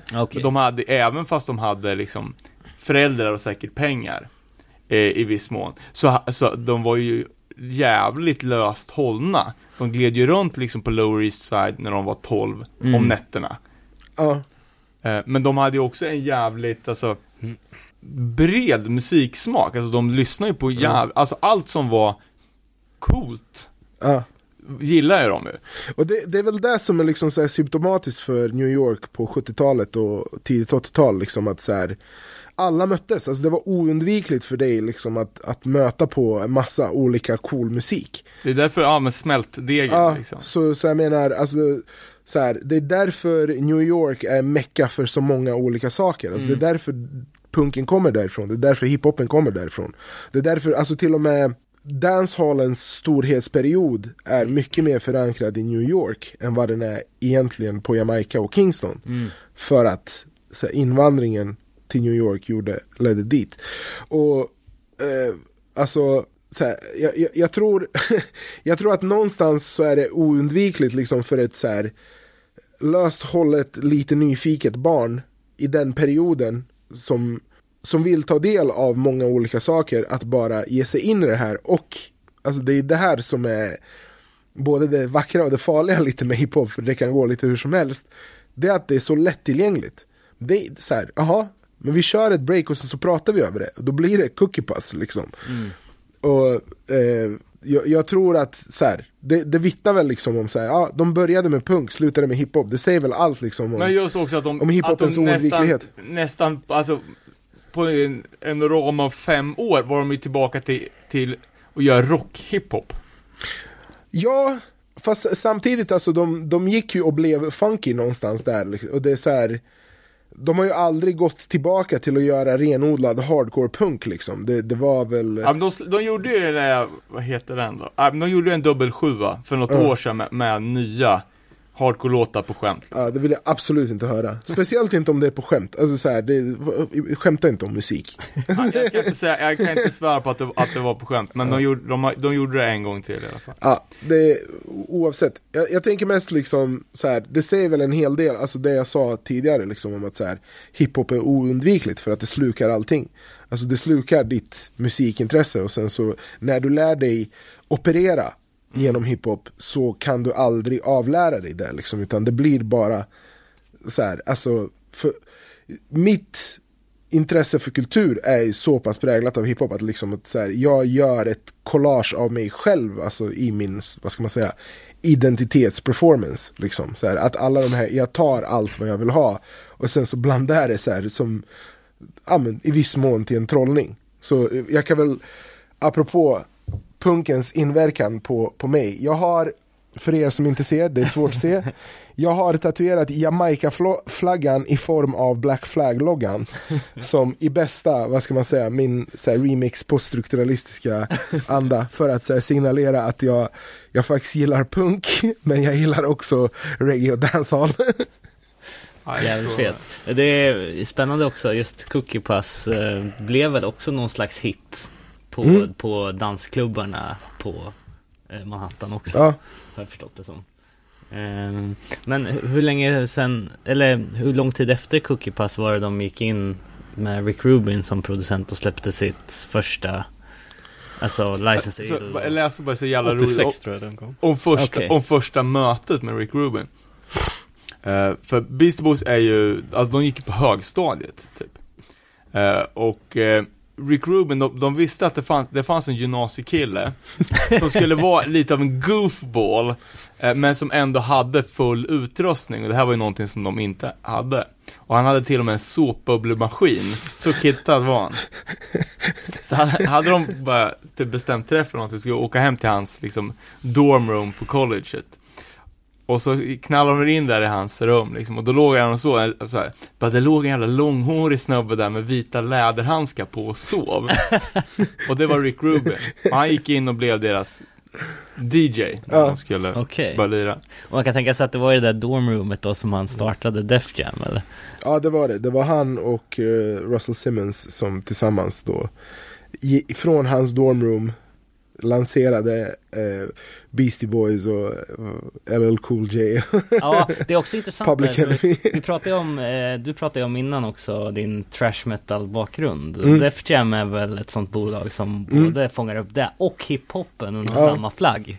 Rick Rubin var ju någon metalhead väl? Ja, det, det, det tror jag nog. Alltså han, han, han, han, Jag ser var, på väl, bilder att han har typ androxtröjor och sånt. han var ju väl eklektiker kan man Ja. väl säga. Alltså, den så, han var väl en eh, New York-punkare skulle jag gissa på. Liksom, som, som bara Alltså, gillade han, all han musik. kommer ju från ett punkband, han spelar i ett band som heter Hose inte Hose som brukar figurera i hiphop-låtar utan slang eh, Som faktiskt har, som har släppt en 7 och en 12 som är helt okej, det kallas för hardcore eh, ibland Så han kommer ju definitivt från punken Ja. Och jag vet ju att, han, han alltså det sa de hela tiden att bara det här var ett jävla metalhead som älskar hiphop liksom. Mm. Ja. Levde ju för det. Men Ja. han verkar ändå, trots sin vithet, haft en liksom nästan fri tillgång till de allra, liksom, creddigaste personerna. Ja. Släppte ju in Beastie Boys på, eh, ja, ja, men på någon klubb där typ inte några vita hade sett sin fot än. Och de fick liksom gå upp och ta micken. Åh jävlar. Ja,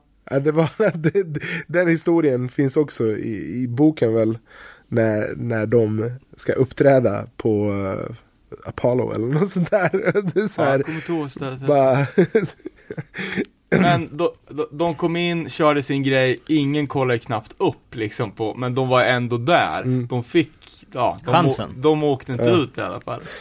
Och man kan väl säga liksom, alltså, vi, vi kan väl avrunda här. Alltså vad, vad Rick Rubin då, alltså om man ska tillskriva honom, och ge honom, han får agera punkare i den här historien. Liksom. Hans inverkan på hiphopen, kanske den mest avgörande, det är att han tog, eh, och det här är faktiskt Questloves take från en, en intervju jag hörde med dem båda.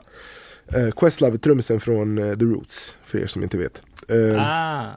så Questlove säger liksom att Rick Rubins största insats i hiphopkulturen är att göra poplåtar av hiphoplåtar. Så han, han tog, eh, han gav hiphoplåtar liksom eh, den vers-refräng-strukturen som, som de alltid hade saknat. För det var ju liksom, eh, till en början så spelade man in så här bara ja, men, fem snubbar som rappar efter varandra. Alltså det var jättelånga, så här, fem, tio, fem, nio, alltså, så här, skitlånga låtar som mest påminner om disco. Alltså som var meningen att man ska så här, dansa till på klubben. Men helt plötsligt så kunde det spelas på radio. Och det var det som, var, som förändrade allting. Det var där liksom som skapade alltså hiphop, hiphopen som säljbar musikal, musikgenre, alltså som en musikalisk produkt. Ehm, och det var liksom att Rick Rubin, så här, han, hans, eh, vad ska man säga, ADHD gjorde att han var så här, men ge mig 16 rader av det här istället för 160. 56. så jag, jag vill inte ha så många rader, jag vill ha 16 stycken, sen vill jag ha 8 stycken på en hook och 8 stycken på en refräng. Och sen så kör vi om och sen blir, eh, blir det liksom eh, och grejen är så här, eh, det, det man sa, alltså reaktionen på det blev, konstigt nog, för de som fick göra, fick spela in hiphop-låtar, alltså eh, eh rap på vinyl, fick göra det, det, det klassades mer som disco. Men när eh, Rick Rubin och de började göra hiphop, de flestas reaktion blev så här bara, det här är inte the, bullshit som de släpper förut, utan det här låter mer som parken. Även om man, alltså han hade liksom destillerat ut bara de bitarna som, som folk ville ha. Och det här är ju också så här jävligt hiphop, att bara så här, ja men vi trimmar bort allt det här onödiga skiten och sen så har vi den här skiten som alla vill höra. Just Och sen så får ni det. Ja, men jag tänkte på Rick Rubin, låg han bakom några liksom sammanföranden av artister, typ Anthrax Public Enemy eller som Peter Falkenäng skrev in till podden Aerosmith och Run DMC. Det, det var ju han som, som tog fram den samplingen åt dem. Ja, ah, okej. Eh, och sen så istället för att sampla så, så, jag tror, jag vet inte, det var väl han som hade idén att, att låta dem göra låten tillsammans. Mm. Skulle jag gissa. Jag läste att de inte ens ville göra det. Eh, Run DMC. Run DMC, nej, de tyckte det Typ, var, det här är det sämsta vi har hört. exakt, det, de tyckte det var Och skitlarvigt. han Men typ sen, tvingar dem. ja, men sen så, Och, och kan lova att det inte skulle bli en singel. ja, Men det vart det ändå. exakt. Nej men för, för de, de tyckte det var skitlarvigt liksom, så här, vad fan ska vi, för de var ju, på den tiden så var ju liksom Aerosmith avdankade. Liksom. I intervjun De- sa han, som redneck shit. Men var det, för, alltså den, vad heter den, Walk This Way? Walk This Way, Är ja. det första kombon med rock-rap? Ja, det skulle jag vilja säga. Alltså om det finns någon tidigare så har... Det är så, såklart det finns det, men så, alltså, så kä- känner inte jag till den Nej. i så fall. Liksom. För, för mig så, i min historieläsning så har, har det alltid varit den. Och den är så här, den kom ändå tidigt i eh, hiphopens livscykel. Alltså i liv, i, tidigt i hiphopens livstid. Framförallt då som musikgenre. Sjukt nog, så ett av, de tyckte själva att den var keff. Den är vad den är. Liksom. Men tar man ett steg tillbaka så bara fan, det är ändå en väldigt välgjord låt. Och det där, väl säger, alltså det där talar väl mer för Rick Rubin som producent än, än för något. Rick Rubin har ju liksom låtit Johnny Cash sjunga en, eh, en Nine Inch Nails låt och gjort den till en Johnny Cash-låt. Liksom. det. Så, så det, det, är så här, det där är väl bara hans musikaliska geni. Men Men tror du, var, var det för att luba in Run DMC till en vit publik? Förmodligen. Alltså Ja. det, det, det hade väl den effekten. För, för det är så här, Ja, det alla, hade du sagt, men jag tänkte alla känner igen, avsikten. alla känner igen det där riffet. Alltså om ni bara så blundar och tänker på det så ni kommer kunna så här, nynna det för en inre röst. Jag, jag tror så här, jag tror att i Rick Rubins huvud så, så var det där en, så här, någonting naturligt. För honom är det där samma sak.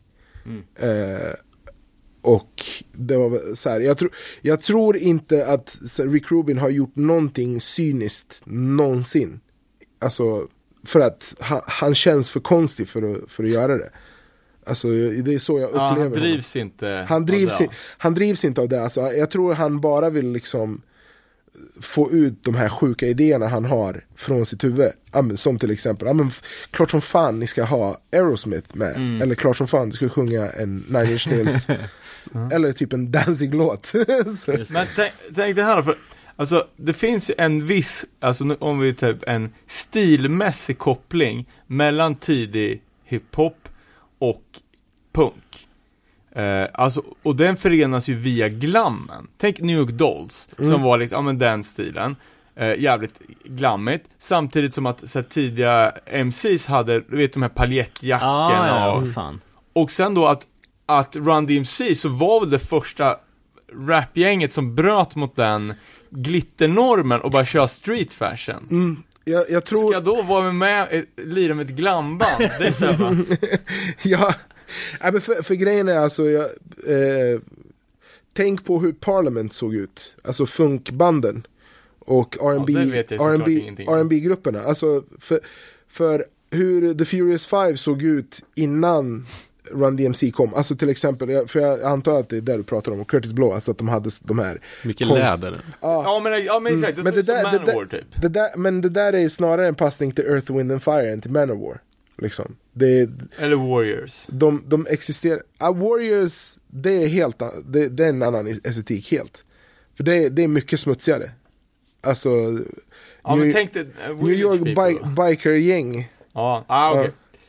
Så, så att, jag tror, du, du pratar, alltså det är ganska många liknande estetiska markörer men det är väldigt olika eh, vart det kommer ifrån. Alltså det, det här flamboyanta utseendet, alltså som, om vi tittar på The Message-videon, hur de ser ut där. Det var snarare för att det så förväntas liksom en svart R&B disco-stjärna, eh, funkstjärna att se ut. Alltså du var tvungen att se ut som Earth, Wind and Fire och ha, eller som Rick James liksom. Så du, du förväntades klä upp dig i någon slags, alltså flashy scenstil. Men eh, det Run DMC gjorde, det var så här att ta vanliga kläder från gatan. Alltså det, hela grejen var så här, ja men jag, vi ska se rena ut. Vita sneakers liksom, så vi, som vi håller rena i det här jävla bombnedslaget som vi lever i. Så, och det- det, var liksom deras grej, att de såg ut som knarklangarna på, på hörnet liksom. Eller de såg ut som så här, ja men de, de coola killarna på gatan. De såg ju inte ut som superstjärnor. Och då, då var det slut för resten av dem. Så sen efter det så gick det inte att se ut, se ut på något annat sätt, för du såg skitlarvig ut. Men Det är lite också som det som skiljer hardcoren från punken sen, att Ja. hardcore kidsen hade ett par jeans, en t-shirt College gear liksom. Ja men, flera, men jag tänkte hard, första hardcore liksom. Ja. Att det var inte längre tuppkam och total anarki i klädstilen utan att det var så här mer back to basic. Ja, ja, men det var att det var en vanlig liksom shuno som hade plockat upp en gitarr. Istä Ja. Istället för att, liksom, att, han- att det ska vara någon som svävade ut för att göra sina så medelklasspäron så förbannade som möjligt. Liksom. Exakt.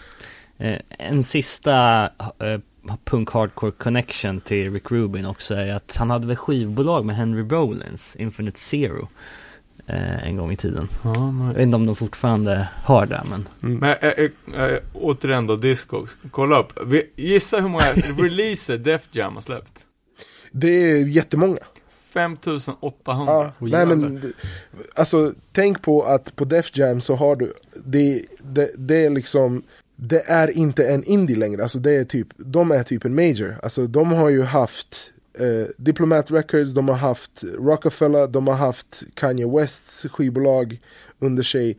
De, de har jättemånga, finns det något sätt att se hur många imprints det finns på, på Discogs under eh, Ja, fast inte. Ja, skitsa, skitsamma, det, det, det är inte viktigt. Alltså, men det, hela grejen är liksom att det finns hur många imprints, imprints som helst på Def Jam. Def Ja. Jam är ju en jättestor indie, alltså det är ju som Motown. Ja. Så, så det är... Ja men bara American, eller Def American Mm, som exakt. början, Som har släppt, ja.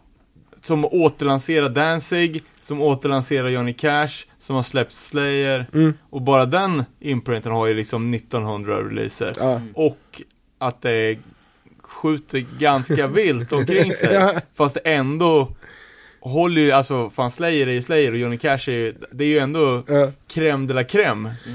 Nej men jag menar alltså så här, Slay, Slayers första fyra album och Danzigs första tre album, alltså eh, vilket skivbolag som helst skulle ju döda för att ha en sån diskografi liksom. ja. Och det, så tänk att det är Rick Rubin som har producerat det här. Ja. Liksom. Alltså, ja, om man kollar hans liksom, eh, vad han har gjort egentligen. Han måste ju vara topp 10 producenter i världen. Han har ju gjort jag skulle, allt. fan. Jag skulle vilja säga, alltså, för mig, eh, det, det är liksom, om vi ska prata producenter, alltså, om jag ska börja räkna upp dem, så det är alltså all time, alla genrer. Quincy Jones, eh, Rick Rubin, vad heter han? Don Fury. Wall, wall, wall, wall of Sound, Phil Spector, liksom. Eh, så det är de tre, när, när jag ska tänka på en musikproducent, det är Quincy Jones, det är Rick Rubin och det är Phil Spector liksom, som jag tänker på. Det, det här, alltså så här, Rick Rubins gärning i musiken är alltså oerhörd. Han, han gjorde så här Tom Pettys största och bästa album. Och sen så gjorde han LL Cool J's största och bästa album. Så jävla bredd alltså. Ah, Ja, och Lady Gaga, Rihanna, Ja. till Slayer, ja, och till Metallica. till, eh, ja, Talca baby. Nej men så Jay-Z's sista album. Så, sen är det lite så här, alltså, han har ju haft, ibland så är det ju så här Kiss of Death. Speciellt när han ska samarbeta med en annan producent. Alltså så här, det värsta när jag fick höra liksom att han och Kanye West skulle göra en skiva tillsammans så fick jag panik för att för att det sista Kanye behöver en liksom ännu större galning. Så, och det blev ju Jesus och jag, min så här omedelbara reaktion på den skivan var så här panik liksom. Att, varför, vad är det här för skit? Men släppte Def Jam någonsin någonting på 90-talet som var från Alltså West Coast-sidan av USAs hiphop-scen? Eller eh, var det mest liksom East Coast-akter som de Nej, det fanns en West Coast imprint också. Jag vågar inte svara exakt på. Vet du vad? Jag tror faktiskt att Warren G, eh, Regulate, Nate G-Funk. Era är på Def Jam. Okej. Jag, kan, jag kan ha fel, men jag tror att det är det som är hela historien liksom.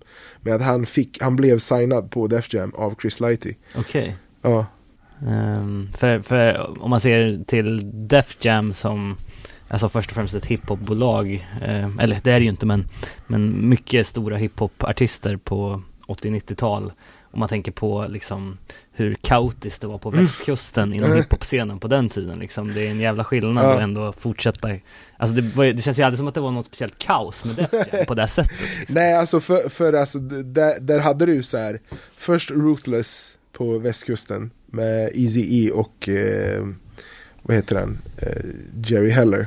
Och Mm. sen så kom eh, Sen så kom Death Row.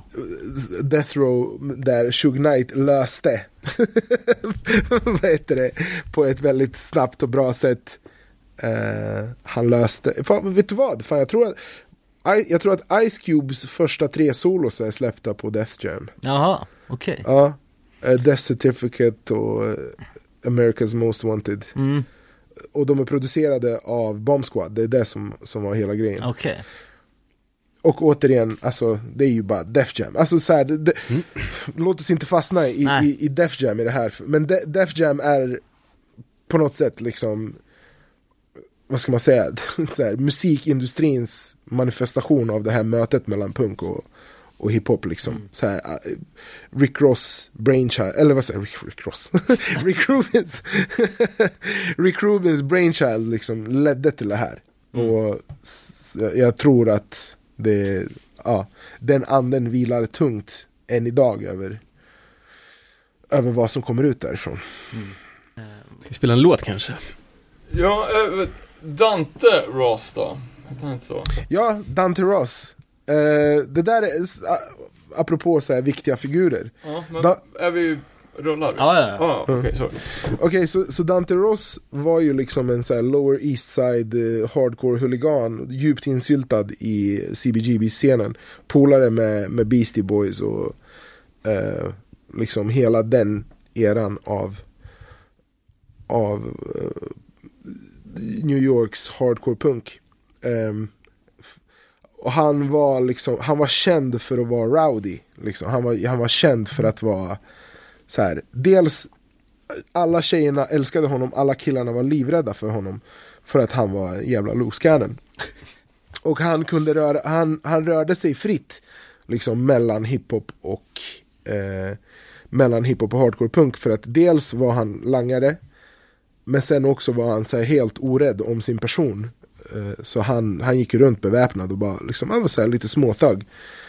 Så och han rörde sig liksom i den New Yorks klubbscen i början på 80-talet. Och det var han som inom citationstecken upptäckte och signade och liksom företrädde De La Soul och Jungle Brothers och liksom hade så här enorm påverkan som en person liksom bakom, bakom scenen. Och han, han har fortsatt liksom, han jobbade tätt ihop med en annan så industrimogul som hette Chris Lighty som, som startade Violator Management och liksom hade hand om Fat Joe och Big Punisher och Busta Rhymes och liksom alltså, så, Dante Ross som eh, skivbolagsperson är typ en av de viktigaste i 90-tals hiphop, alltså kanske alltså, topp fem viktigaste figurer, Okej. verkligen. Och han var, han var en, så här, alltså, när man ser bilder på honom så det skulle kunna vara liksom någon, någon av så här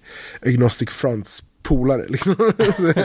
Är kul att kolla de här gamla fotoböckerna man har från den tiden. Om man skulle kunna se om man kan hitta på någon, någon Ja, precis. publikbild. Men om vi ska snacka 90-tal då, det var ju om något ett, ett årtionde Uff, där, där eh, hardcore, influerat av hiphop, eh, tar mycket plats, men framförallt eh, hard, eller hardcore, hiphop och metal gör sin mm, debut på skivtallrikarna. gud. Ja, får jag börja med att nämna då eh, Sonic Youth. Ja. Eh, för de spelade ju in skivan Go i 1990 i samma studio som i New York då, som Public Enemy spelade Ja. in i och ehm, jag tror att Chuck D fitar väl på någon av de låtarna på den skivan. Ehm, Intressant.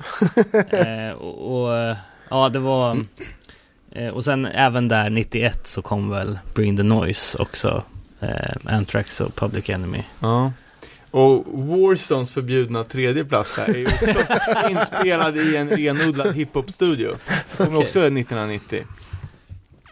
Ja, ja det, där, det där är ju alltså, fan, det, det där skulle man ju kunna prata om i, i, det skulle man kunna göra en hel programserie av. Men eh, ska vi bara dra typ de viktigaste händelserna och akterna? Mm.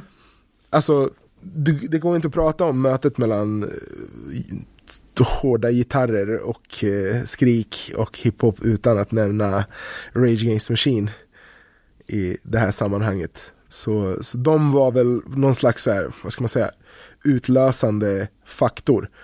Men inte bara dem, utan också eh, Fate No More som jag har så väldigt ambivalent förhållande till så, som eh, så här, är både kan ses som extremt coola eller extremt töntiga liksom, beroende på dagsform. Så de, de hade ju, alltså, Vad fan är det? Jag har alltid trott att det var grunge. Kanske inte. Alltså det, de är ju från LA så att de har inte ens den kopplingen liksom. Så det, det, det var bara några snubbar som, som blandade funk metal och, och rap. Liksom. Okej. Det, det, jag tror att det där är så bara Mike Pattons gränslöshet. Liksom. Han, han förstår inte när han inte ska göra vissa grejer, som till exempel rappa. Så alltså de, de akterna väl, satte väl någon slags så boll i rullning, liksom, tror jag. Och visade så att det går att göra, göra det här framgångsrikt. Och i Rage Against Machines fall väl också någorlunda bra. Kan, måste man väl ändå erkänna. Bra ju. Ja, ja, alltså det första skivan är ju fortfarande fet. Alltså, så, grejen är så här, jag har, jag har ju haft, eh, som sagt, jag kom ju in i båda grejerna genom en blandning av båda. Men ju längre tiden har gått desto mer har jag velat hålla dem åtskilda. För det är så jävla svårt att göra det på ett, på ett okej sätt liksom. Ehm, jag älskade ju Rage Against the Machine när det begav sig. Men ju mer tiden led desto mer gillade jag liksom när Rage Against the Machine skulle göra någon slags så här brölig variant av eh, någon slags garagerock. Mer än vad jag gillade när de gjorde, när de gjorde, alltså jag gillade mer deras noisiga låtar än vad jag gillade deras hiphoplåtar. Eller när de gjorde hiphoplåtar att de försökte göra dem extra hiphop. Mer hiphop än att göra Jag förstår. I blandning. Vi har ju pratat mycket i den här podden om just Zac de la Rochas eh, Orange County Hardcore-period också. Mm. När han spelade i Inside Out och Farside och Ja. eh, Hard. Hard Stance, just det. Men också, fan, jag tänkte på eh, alltså, första Rage-plattan. jag har fan för mig att eh, den kom ut som en, en eh, demo. Okej. Att hela den plattan var typ en punkdemo. Mm. Och sen vart den upphookad och vart inspelad på nytt, på riktigt. Men att de skrev den jävla superhitten som ett nytt band som gör en, en demotape. Mm. Och där, är så här, där kan vi säga, alltså om, om vi tittar på, ehm, jag antar att du pratar om Killing in the Name. Jag kommer fan inte ihåg vad den skivan heter, men... Nej, alltså just låten Killing in the Name. Ja, men hela skivan. Ja, den, det den, finns. jag tror att den är bara self-titled. Ja. Är det där med någon brinnande munk eller? Ja, Oh yes. så alltså om vi ska försöka så här, analysera den låten lite grann. För den använder ju liksom så här, allt det feta med, med hardcore punk och allt det feta med hiphop. Verkligen. Och, och mosar ihop det till liksom no, någonting så här väldigt effektivt sätt att göra dina föräldrar väldigt sura på dig. Eh, så så det, det, är så det brölar, det, det upprepar 'fuck you, I won't do what you tell me' Liksom, alltså så här, eh, det, det, så här å ena sidan så bottnar liksom låten i någon slags, vad ska man säga, eh, protest mot ett etablissemang i någon slags makroskala. Där, alltså Zac de la Rocha som är, vad ska man säga, politiskt övertygad marxist. Du vet, det här, det här är hans kampsång. Men samtidigt så funkar det ju verkligen jättebra för varenda snorunge. Liksom att stå och bara peka dubbel fuck you liksom till alla sina lärare och allting. Och samtidigt så är det så här, det här coola med rap för att det kommer, så återigen, så här, hiphop smyger in, mosar om, tar över och gör det till sitt eget. Och så här, ingen kan värja sig mot, mot det liksom. Alltså det, den, det, det verkligen, den låten, om om vi bara ska prata om den låten Killing in the Name, den är verkligen så här mest fettfria protesten någonsin för att det, den, alltså, den får typ så här redemption song med Bob Marley att framstå som, som en vaggvisa liksom. För att så här, hur, hur många, all, den kan användas liksom i så många olika sammanhang. Vilket gör den så här, både extremt hiphop och extremt punk. Så att där lyckades de bra. Problemet är inte vad de gjorde. Problemet är vad alla gjorde med dem sen. Ja, just det.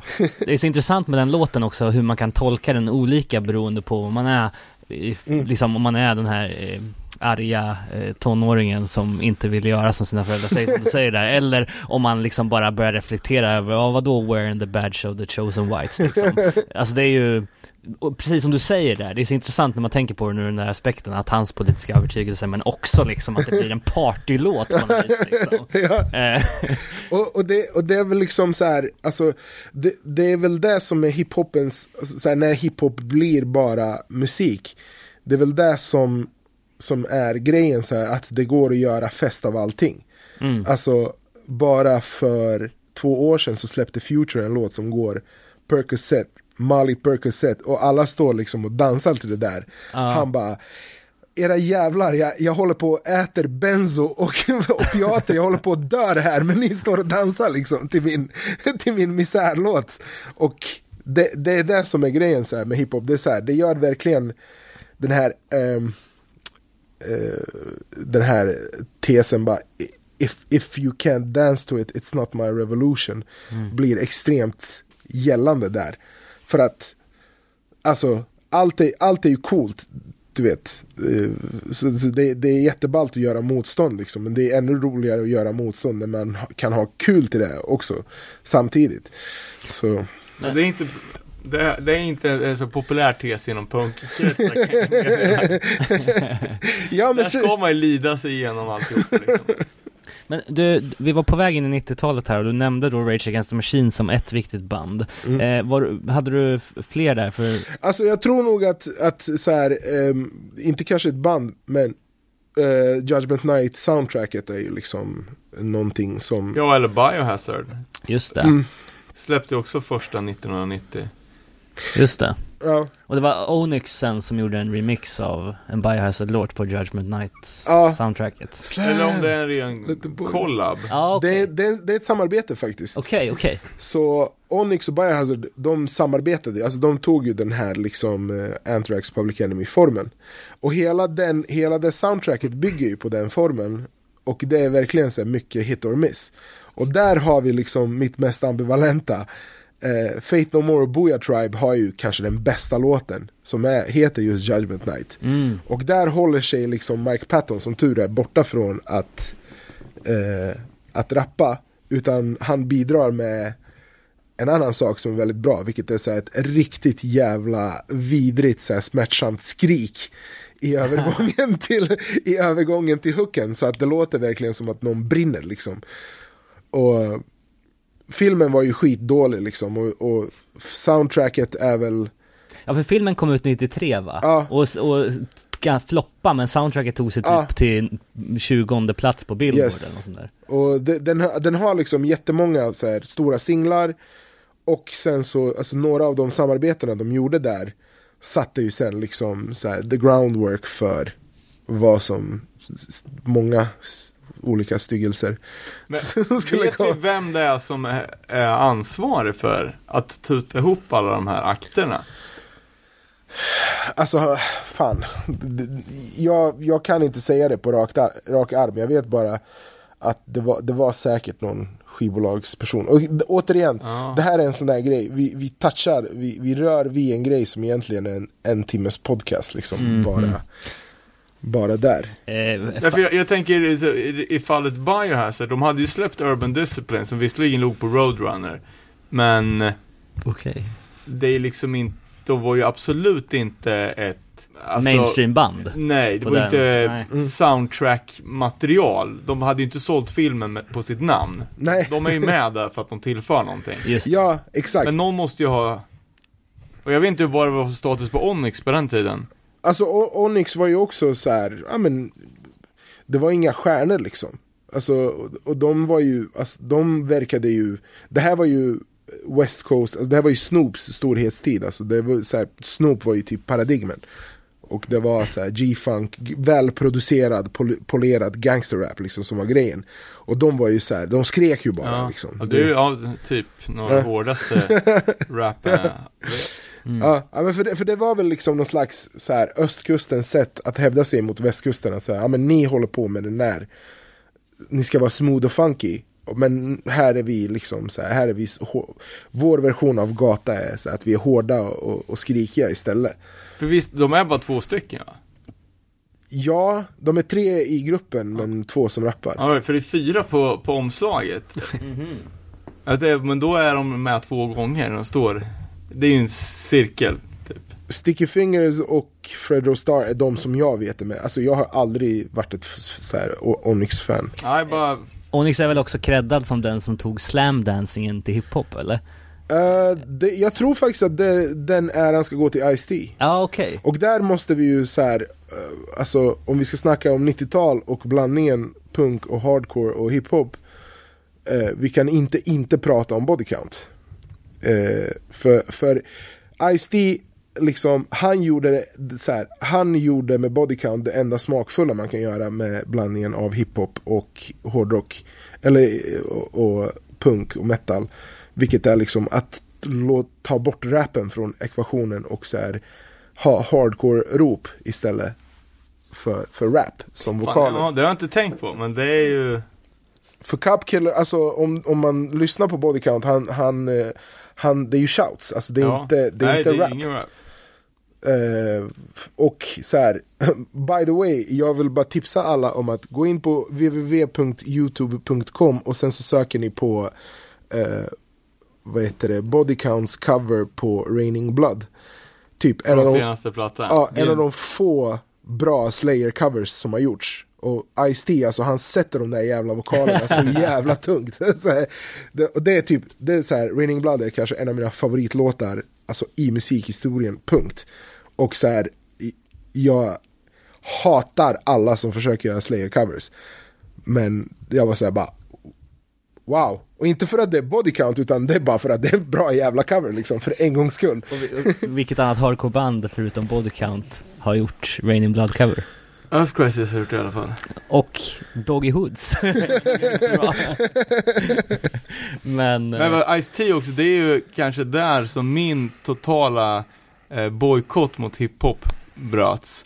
Eh, då fick jag Home Invasion av krustlegenden, legenden Jallo Lehto. Eh, det här ska du lyssna på, det här är bra skit. Och då kunde man liksom inte säga nej. det, Och det är den, bra. den började jag gilla som fan. Home Rätt, rätt sorts gatekeeper liksom Ja. kommer med, med rätt grej. Nej men bo- body count var jätteviktiga, alltså för att eh, så här. Å ena sidan så har vi pratat liksom om New York eh, under hela den här tiden, men vi har inte nämnt liksom eh, västkusten nästan alls. Och jag menar, utan suicidal tendencies, inget body count. Liksom för, för Ice-T har ju många, många, många, många gånger sagt att Suicidal Tendencies och Slayer är liksom hans favoritband. Mm.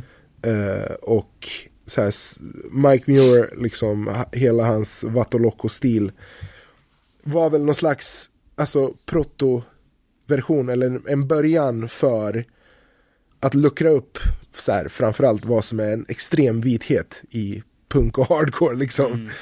Eh, att så här, det gick att ha en annan stil, det gick att se ut på ett annat sätt. I alla fall, alltså vad ska man säga, performa någon slags så här, på ett annat sätt. Alltså, så här, den, den där bandanan är ju legendarisk och ohärmlig liksom. Sen så är jag är inget jättestort fan av Suicidal Tendencies musik, men jag förstår varför, varför man tilltalas av dem. Ja, de har ju jävligt många element som är svårslagna liksom. Ja men med, med, med skaten, med estetiken, alltså, och de har ju, Ja. jag tycker att de har svin mycket bra Ja. skrivet, liksom. återigen, alltså så här. På, på skalan av coola rockstilar liksom. Alltså l- så här rent så här. Ramones-luggen, eh, Bad Brains, eh, alltså kostym, rasta stilen och sen liksom den där bandana, alltså alla de där grejerna. Det är så här, man, man vet. Alltså, det, extre, extremt viktigt och extremt bra så visuellt. Ja. Ja, och bara liksom, det är väl baksidan på, på första Suicide-plattan. När de bara skitdåliga foton på skitdåligt ritade jeansvästar. Som när folk har gjort olika skelett liksom. Det är ju så jävla bra. Alltså. Ja, och det är så här, och fråga, så här det, det, det tar ju bort, alltså, det, det, då placerar ju liksom hela, alltså, han och de tar ju, vad ska man säga, eh, så här, eh, västkust gängkultur och snor det för hiphop eller liksom Ja. så här, tömmer det på hiphop och ger det till punk eller ger det till skate. Eller så här, bara gör det lite mycket mer av vad det egentligen är för någonting. Alltså för det är så här västkustens genkultur tillhör inte en viss musikstil. För jag menar, några av de hårdaste jävlarna där nere lyssnar på Morrissey. Ja, det är ju också Ja. en podcast i sig. Ja, exakt. Nej, men, ja, just det här liksom att just på, på västkusten att det var så extremt mycket eh, gängkultur i punken som det inte Mm. var någon annanstans. Alltså organiserade kriminella Mm. gäng. Ja, eller Circle alltså One turf, och- turf gangs liksom och alltså så det, det sättet så här att organisera vad ska man säga, neighborhood watch eller du vet, dela upp geografiska områden i, i och med liksom hur, hur stadsplaneringen ser ut eh, där nere. Liksom att det är långa färdvägar till vart du än ska. Och så som typ alla som hänger ihop så här, har sin giftiga manlighet tillsammans. Det, och, och så här bör, börjar alltså sälja knark och slåss och du vet undvika att gå i skolan etc. Allt, sånt där, allt sånt där som egentligen är dåligt men som, som skapar en slags kultur. Så, så det är så här det är också ett, en sån jätteviktig grej som egentligen sträcker sig tillbaka till 80-talet men som sen fick liksom utlopp. I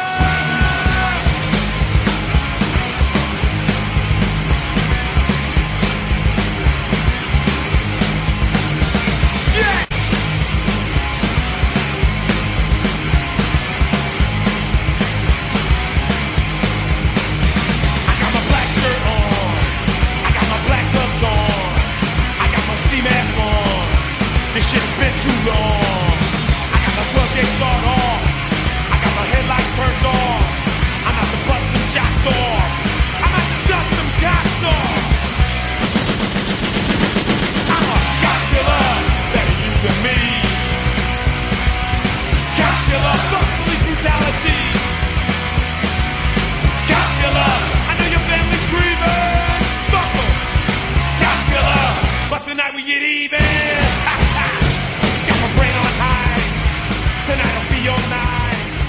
I got this long ass night. Ja, Suicidal Tendencies via Body Count liksom hade stor påverkan liksom på det här mötet mellan hiphop och inom stora citationstecken hård musik, alltså kanske inte r- rakt ut hardcore punk liksom eh, på 90-talet. Och hela det här, alltså Lollapalooza-eran liksom som, som var där med när så här, Cypress Hill blev, alltså det, det här är också så här, du kan inte prata om detta utan att prata om vad man egentligen, vad det egentligen var som förenade människorna, vilket var eh, cannabis sativa. Eh, folk älskar ju gräs, så och det, typ hårdrockare, punkare och hiphoppare har en väldigt stor gemensam nämnare i en grön växt med kletig te, tetrohydrocannabiolhaltig kåda som alla gillar att röka. Så, så det, det här var ju det stora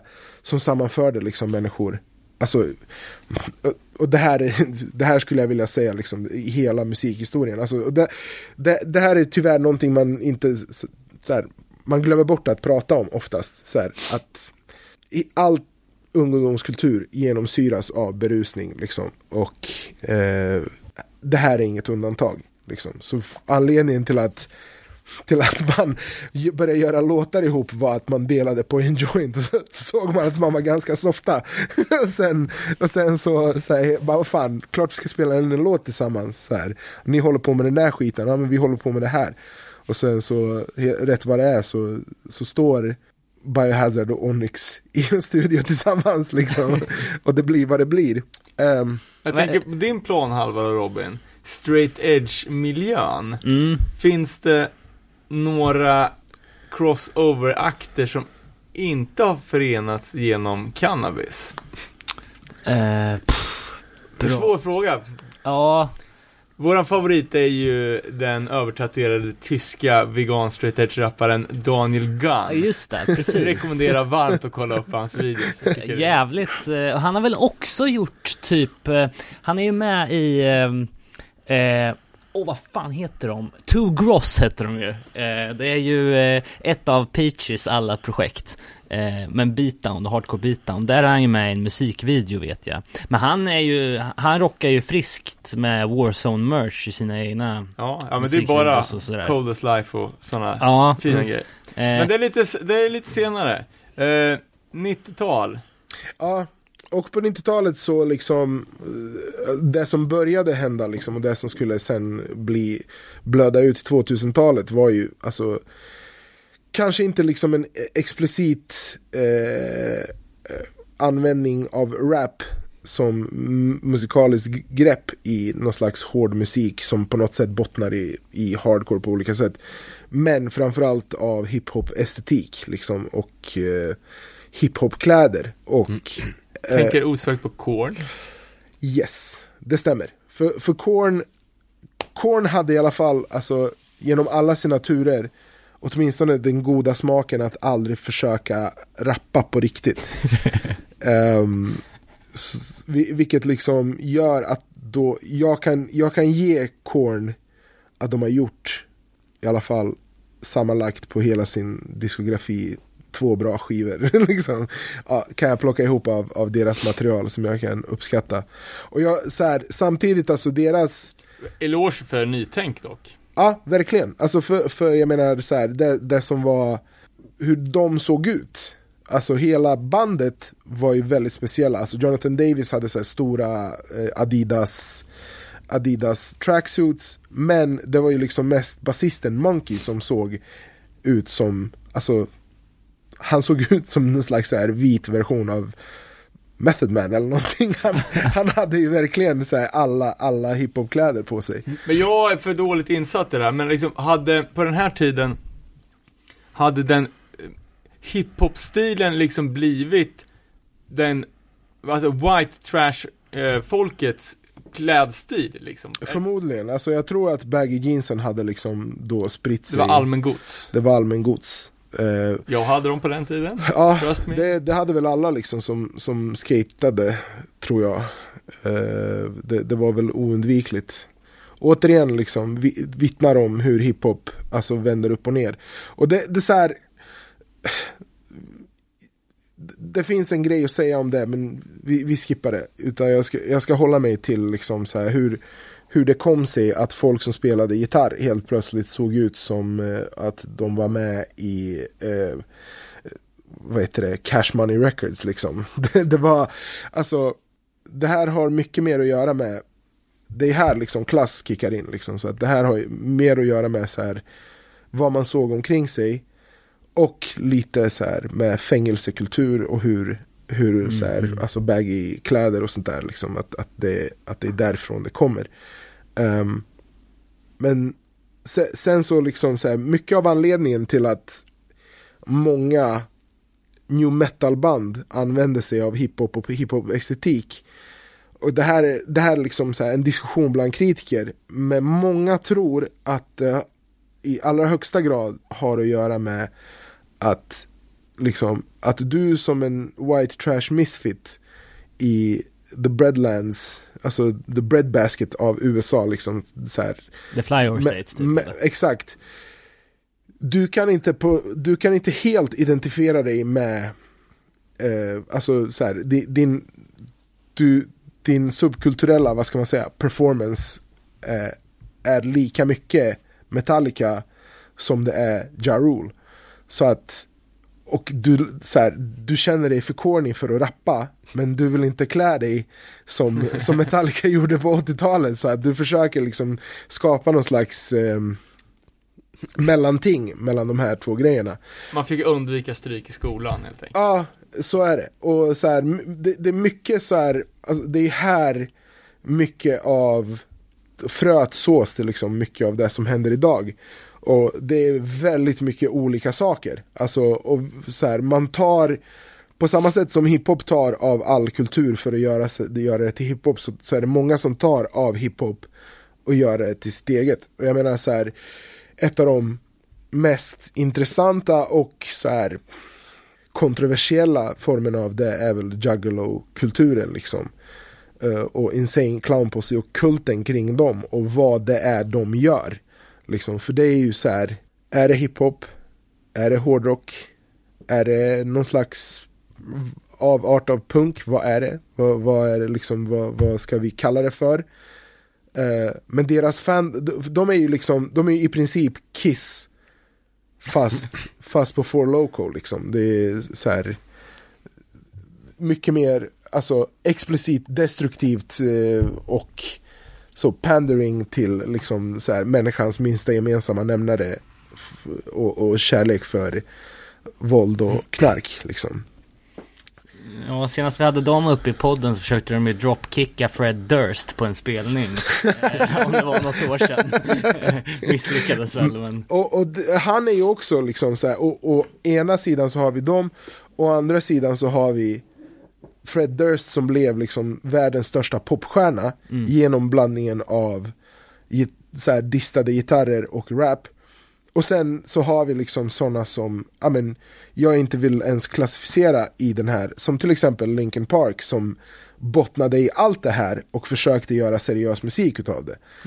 Liksom Eh, ja. med varierande framgång kan man väl säga. Liksom. För det, det, här, det, det råder väl absolut ingen så här, kritisk konsensus om att, om att Linkin Park var bra.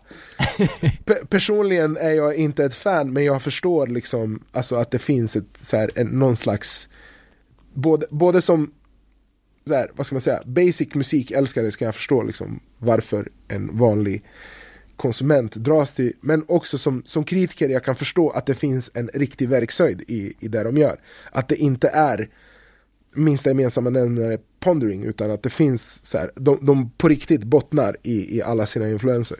Just det. Jag tror att det är så att han som rappar och spelar väl syntar och sånt i Linkin Park, han har ju också ett skivbolag där han har gett ut typ Self-Titled och Ja. Apathy också tror jag. Ja. Från... Och No eh, Warning kommer väl från något Ja. Mike Shinoda-bolag. ja precis, Mike Shinoda heter Är han inte ja. Didi från La Coca Nostra också? Ja. Ja, det kanske han är. Ja. Och, och så här, Mike Shinoda är ju så här, han, han har ju uttryckt så här, kärlek för andra saker som är extremt så kreddiga i hiphopkretsar, typ så här Madlib och Flying Lotus och typ Mm. sådana där grejer som är extremt så left field. Eh, hiphop, hiphop för, som inte ens vanliga hiphoppare tycker om liksom. Eh, är det så också att, eh, bara kort kopplingen Limp Bizkit, eh, det var väl, eh, det är väl, de har väl samma DJ som House of Pain? Ja, Eh, och House of Pain har väl alltid varit lite punk. Mm. Punkinfluerade och uttryckt i intervjuer att de gillar punk liksom. Exakt. Så det är väl ytterligare en Ja. sån där liten över... fan watch whiteness work alltså. Det, det, är, verkligen, det är verkligen så här, alltså, ha, Vad heter han? Heter han Everlast? Everlast rapparen i, Ja, House det, of Pain. i House of ja Pain. exakt. Han har ju något countryband och sånt också ju. Ja, ja, Ja, precis. Som är svinbra. han, bra. Ja, eh, så, så det var väl liksom så här, vad, och, och den grejen, alltså från Korns första platta tills liksom folk totalt gjorde slut med, alltså i, i mittfåran och bara började göra metalcore var väl 2002 eller någonting. Så att det var inte ens en tioårsperiod som det där var en grej. Men när det var en grej så var det världens största grej.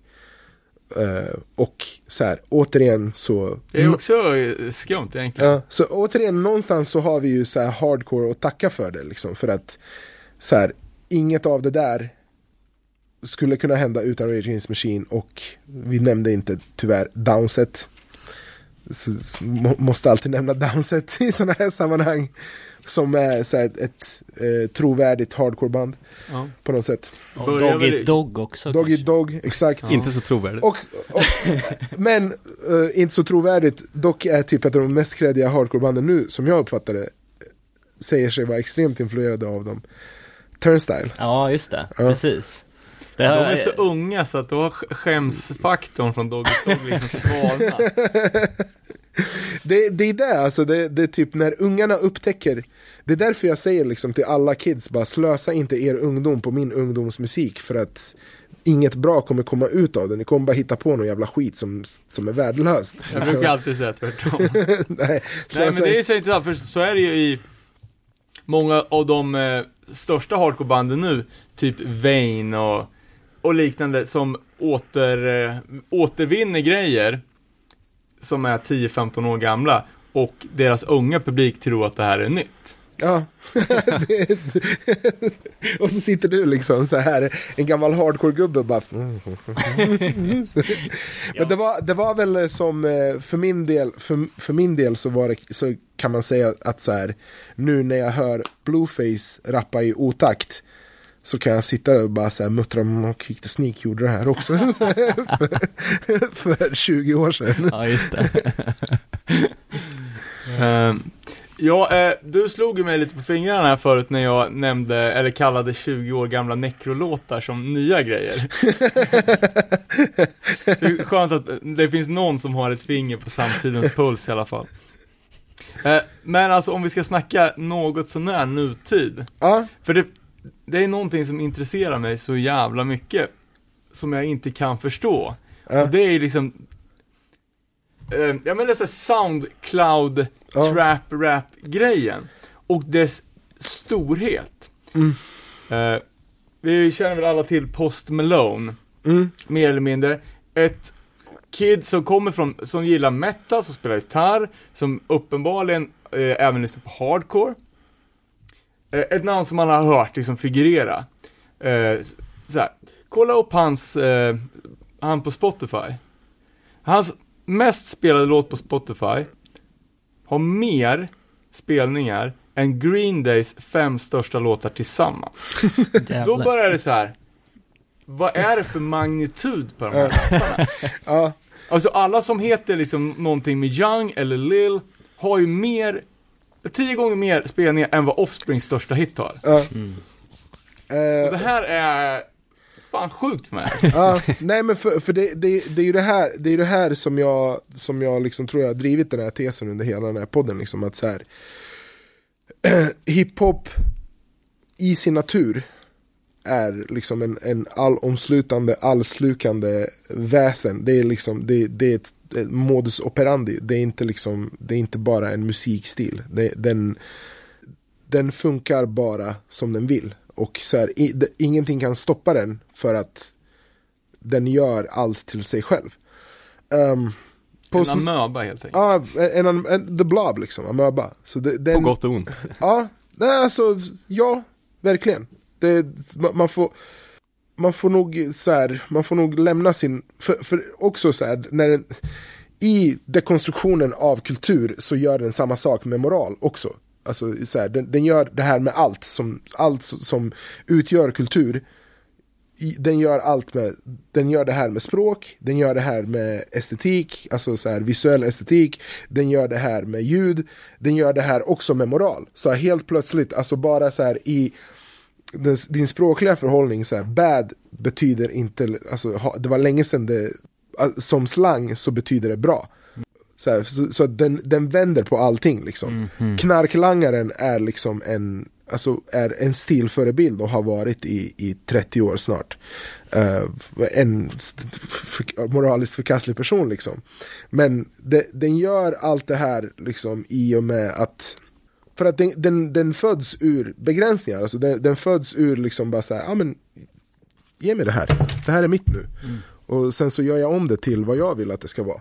Så, så det, den, den bryr sig liksom inte om, om eh, sakernas tillstånd på det sättet som, alltså det, den har inga egentligen fasta referensramar förutom att så här, ja men ta bort det oväsentliga och bara dra fram så minsta gemensamma nämnare. Och det är därför vi kan å ena sidan få eh, vad vet jag, Run DMC som är liksom så här, okej det, det där är vad ska man säga, någon slags, en guldklimp ur bajs. Och sen så kan du få Juggalos å andra sidan som är bara en ännu större hög med bajs på en hög med bajs.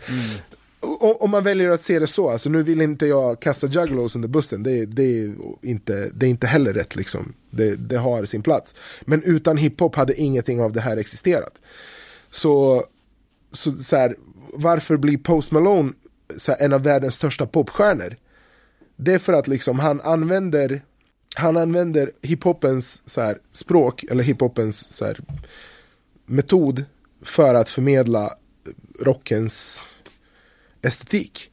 Så att han är så här, han eh, istället för att så här, jag vet inte, tatuera sina döda homies på kroppen så, så är det liksom Johnny Cash och Elvis och sådär. Och han, han spelar väldigt mycket, och, och det det här är ju också så här ett dåligt exempel, alltså ett exempel på när det blir dåligt för att han använder det för att magnifiera sin vithet framförallt eh, på det här sättet. Så han, han spelar ju på sin vithet i väldigt stor grad. Hans första hit hette ju White Iverson. Och eh, det här är ju också, det, det blir liksom ett, ett hiphop så här, rebus. Vem är Allen Iverson? Det var liksom en basketspelare på 2000-talet som bröt mot alla regler i NBA men blev extremt hyllad för att han var så jävla sig själv och så jävla hiphop. Och sen så blir, kommer Post Malone och tar White Iverson, liksom tar Allen Iverson personen och så här, vittvättar den och säljer den vidare liksom via hiphopens medel. Så att det blir ju liksom, det här är ju, han är ju egentligen en juggalo. Alltså om man ska se det, om man ska se det liksom i den här dikotomin av vad som är bra och dåligt. Så det, så här, det, är inte, det här är inte konstigt för mig. Alltså det här är, jag, jag såg det här komma för, för tio år sedan. Jag, så här, det, det var bara en tidsfråga innan, innan vitheten skulle liksom hitta hiphop på riktigt. Och det här är ju också vad Drake gör ganska mycket liksom. Drake är, Drake är collageartist liksom. Han, han, han är bara liksom en jävligt skicklig A&R som vet hur man hittar rätt grej. Så, men han har ingenting med punk att göra så han kan vi lämna där, därhän.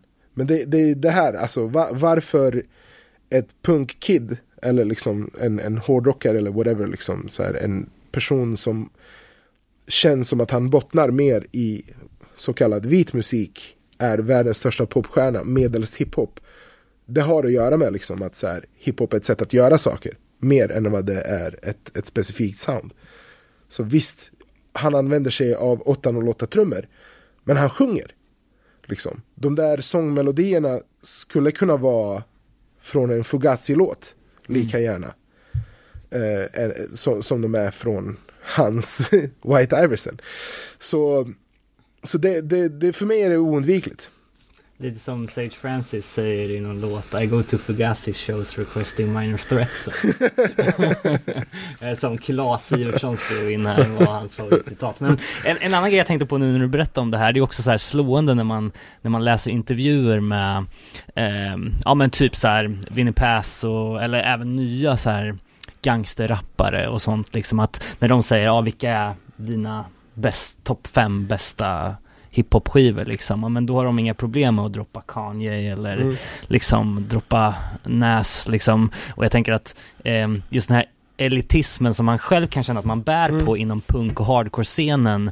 Det skulle ju vara som att det kom ett nytt Mm. asfett hardcore-band och de bara, men vad, vad är dina bästa plattor liksom? Ja men jag lyssnar på Racist och ja, misconduct. Smash Into Pieces liksom. Ja. Eh, och då skulle man ju bara då skulle man ju Ja. bli tokig, men den, den grejen Ja, finns inte och, riktigt. och jag, ska, jag ska förklara varför det är så. För att eh, grejen är så här, i, sin, alltså så här, i sitt övertagande av pop så har hiphop alltid varit liksom på spjutspetsen av hur musik låter. Så jag menar, när eh, till exempel Pharrell Williams och Chad Hugo, när de hade producentduon Neptunes, när de gjorde de största hitsen i hiphop slash pop på sin tid, det lät, det lät helt sjukt, det lät som rymden. Alltså jämfört med då som, som underground hiphopen lät väldigt arkaisk och gammaldags jämfört med den mest populära, alltså pop-hiphopen. Så att så här, å ena sidan så har du någon som samplar samma soul-sampling igen. Å andra sidan så har du någon som gör någonting som låter liksom som jag, så här, Ingen har hört. i, det, det låter helt nytt. Så, så det, det är det som, alltså hiphop har haft turen att i mittfåran utforska de mest spännande soundsen. Liksom. Samma sak med trapmusik, alltså, alltså så här, att bara Nej men vi kastar allt förutom 808-trumman och typ en liten syntpad. Men vad fan, är du dum i huvudet? Hur kan du, hur kan du göra det när vi har liksom en 128 kanalers studio? Det spelar ingen roll, vi måste göra 100, 100 låtar i veckan. Så, så det, det, det, är det, det är där som har, alltså det som har drivit på utvecklingen i alltså det, vi, har, vi har haft tur i hiphop, alltså så, som hiphop har fungerat i mittfåran. Att det, förutom att vara störst, också har varit så här, extremt experimentell musik. Så man, kan- man kan gå tillbaka och liksom lyssna på alltså, Timberlands R&B produktioner från sent 90-tal. Alltså, det låter ju helt sjukt. Så det, man bara, ibland så tänker jag bara, hur fan släppte de det här på ett majorbolag? För att alltså, det, det låter liksom som att någon, alltså, någon, någon kastar en bastrumma ner för en trappa ibland. Liksom. Och så är det Alia som sjunger över det. Liksom. Så det är det enda så, redeeming quality liksom, med Och det är ju jävligt skumt eftersom att major labels i dessa tider när det inte går att sälja saker bara snävar åt eh, spannet för vad de släpper. Fast samtidigt, samtidigt så liksom, alltså, och det är ju här vi ska komma, det som händer är ju så här. Kidsen vill ju alltid ha det mest extrema av allting. Liksom. Så det är därför Soundcloud hade spelade en så stor roll nu i början av 10-talet. Och också, det var där liksom så här hiphop och hardcore och punk giftes återigen. Eh, både attitydsmässigt och liksom så här på många sätt soundmässigt också. Och estetiskt. E- Estetiskt dessutom. Och det är så här, det där var, det där var oundvikligt liksom att det skulle hända för att, alltså, för barnen har ju ångest liksom. så här. Och de vill ju ha musik som talar till deras ångest och den, så här, eh, Kanye West gör inte det. Inte på samma sätt som en XXX Tentation gjorde Just det. Så, och, och han var ju, han var ju en sån liksom, jag vet inte hur mycket, så här, jag kan inte svara på om XXX Tentation var en genuin emo-kid. Men han använde sig utav emo för att, för att prata till sina fans. Ja men hela den här, ja men Sad Boys, det är ju, vad heter de? Goth Click, Mm. Lil Pump, alltså det är Lil Son, det är Ja. asmånga sådana där som kommer ifrån Alltså det, Chemical Romance-eran. Ja men precis, Ja. som det här som vi kallar för emo-döds liksom. Mm, och sen så har du ju typ en person som Ghostmain som jag vet var med i något, eller är fortfarande med i något band. Som gör någon slags jävla metalcore. Ja men Han släppte ju en hardcore-EP ganska Ja. nyligen. Och ett släpper skivor på Triple B. Ja. ja. Och, och sen, där har du det å ena sidan och å andra sidan så har du så här, om vi ska se till liksom de som försöker renodla sin elitism, alltså som det sista som jag vet är också över, vad ska man säga, genregränser att eh, Davey Havoc gör har det här jävla Extremist och släpper på Dimmack liksom som är eh, Steve Aokis skivbolag Just som, det. Så, straight edge hardcore Ja. projekt liksom.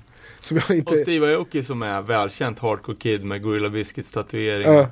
Släppt Gorilla Biscuits bootleg och grejer. Mm. Ja, men det, det- han, han är inte en hiphoppare men så här, det, det, är ett, ett väldigt hiphoppigt sätt att göra saker på, liksom att bara skita i, i genre. Och det, det är väl liksom, jag antar att det som har hänt nu är väl liksom att så här, att soundsen, alltså förut så var det liksom ofta som att det man anser är hiphop-sound trängde in sig själv i hardcore och punk. Men nu är det snarare tvärtom.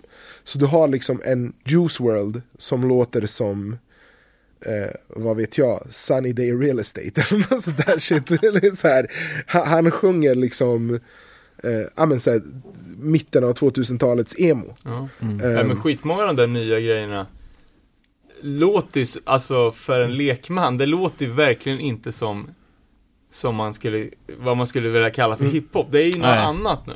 Ja, och det, det är väl där liksom så här, alltså det är väl där som är spjutspetsen i hiphopen, alltså den subkultur Ja. som man kan kalla för, för hiphop.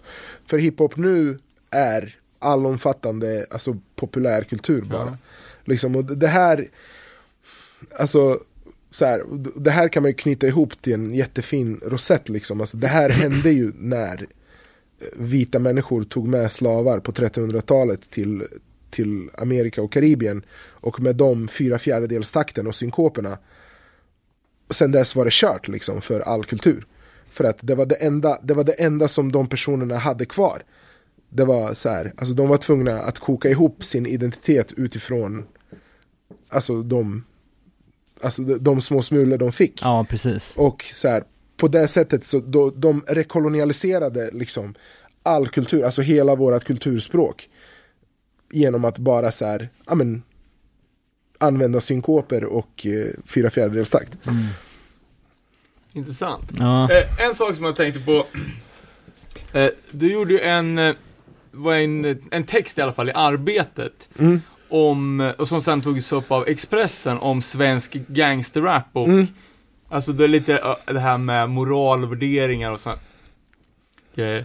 Eh, men också för, att svensk gangsterrap eller ortenrap är typ den största, Det är, största musiken just nu. Ja. bland, bland kids, jag, jag är, vi nämnde ju aldrig det här i introduktionen mig, jag, är, jag har pluggat till lärare nu och jobbar på skola och, och praktiserar och liksom är så här, det, det, det är vad jag anser är mitt ideologiska kall.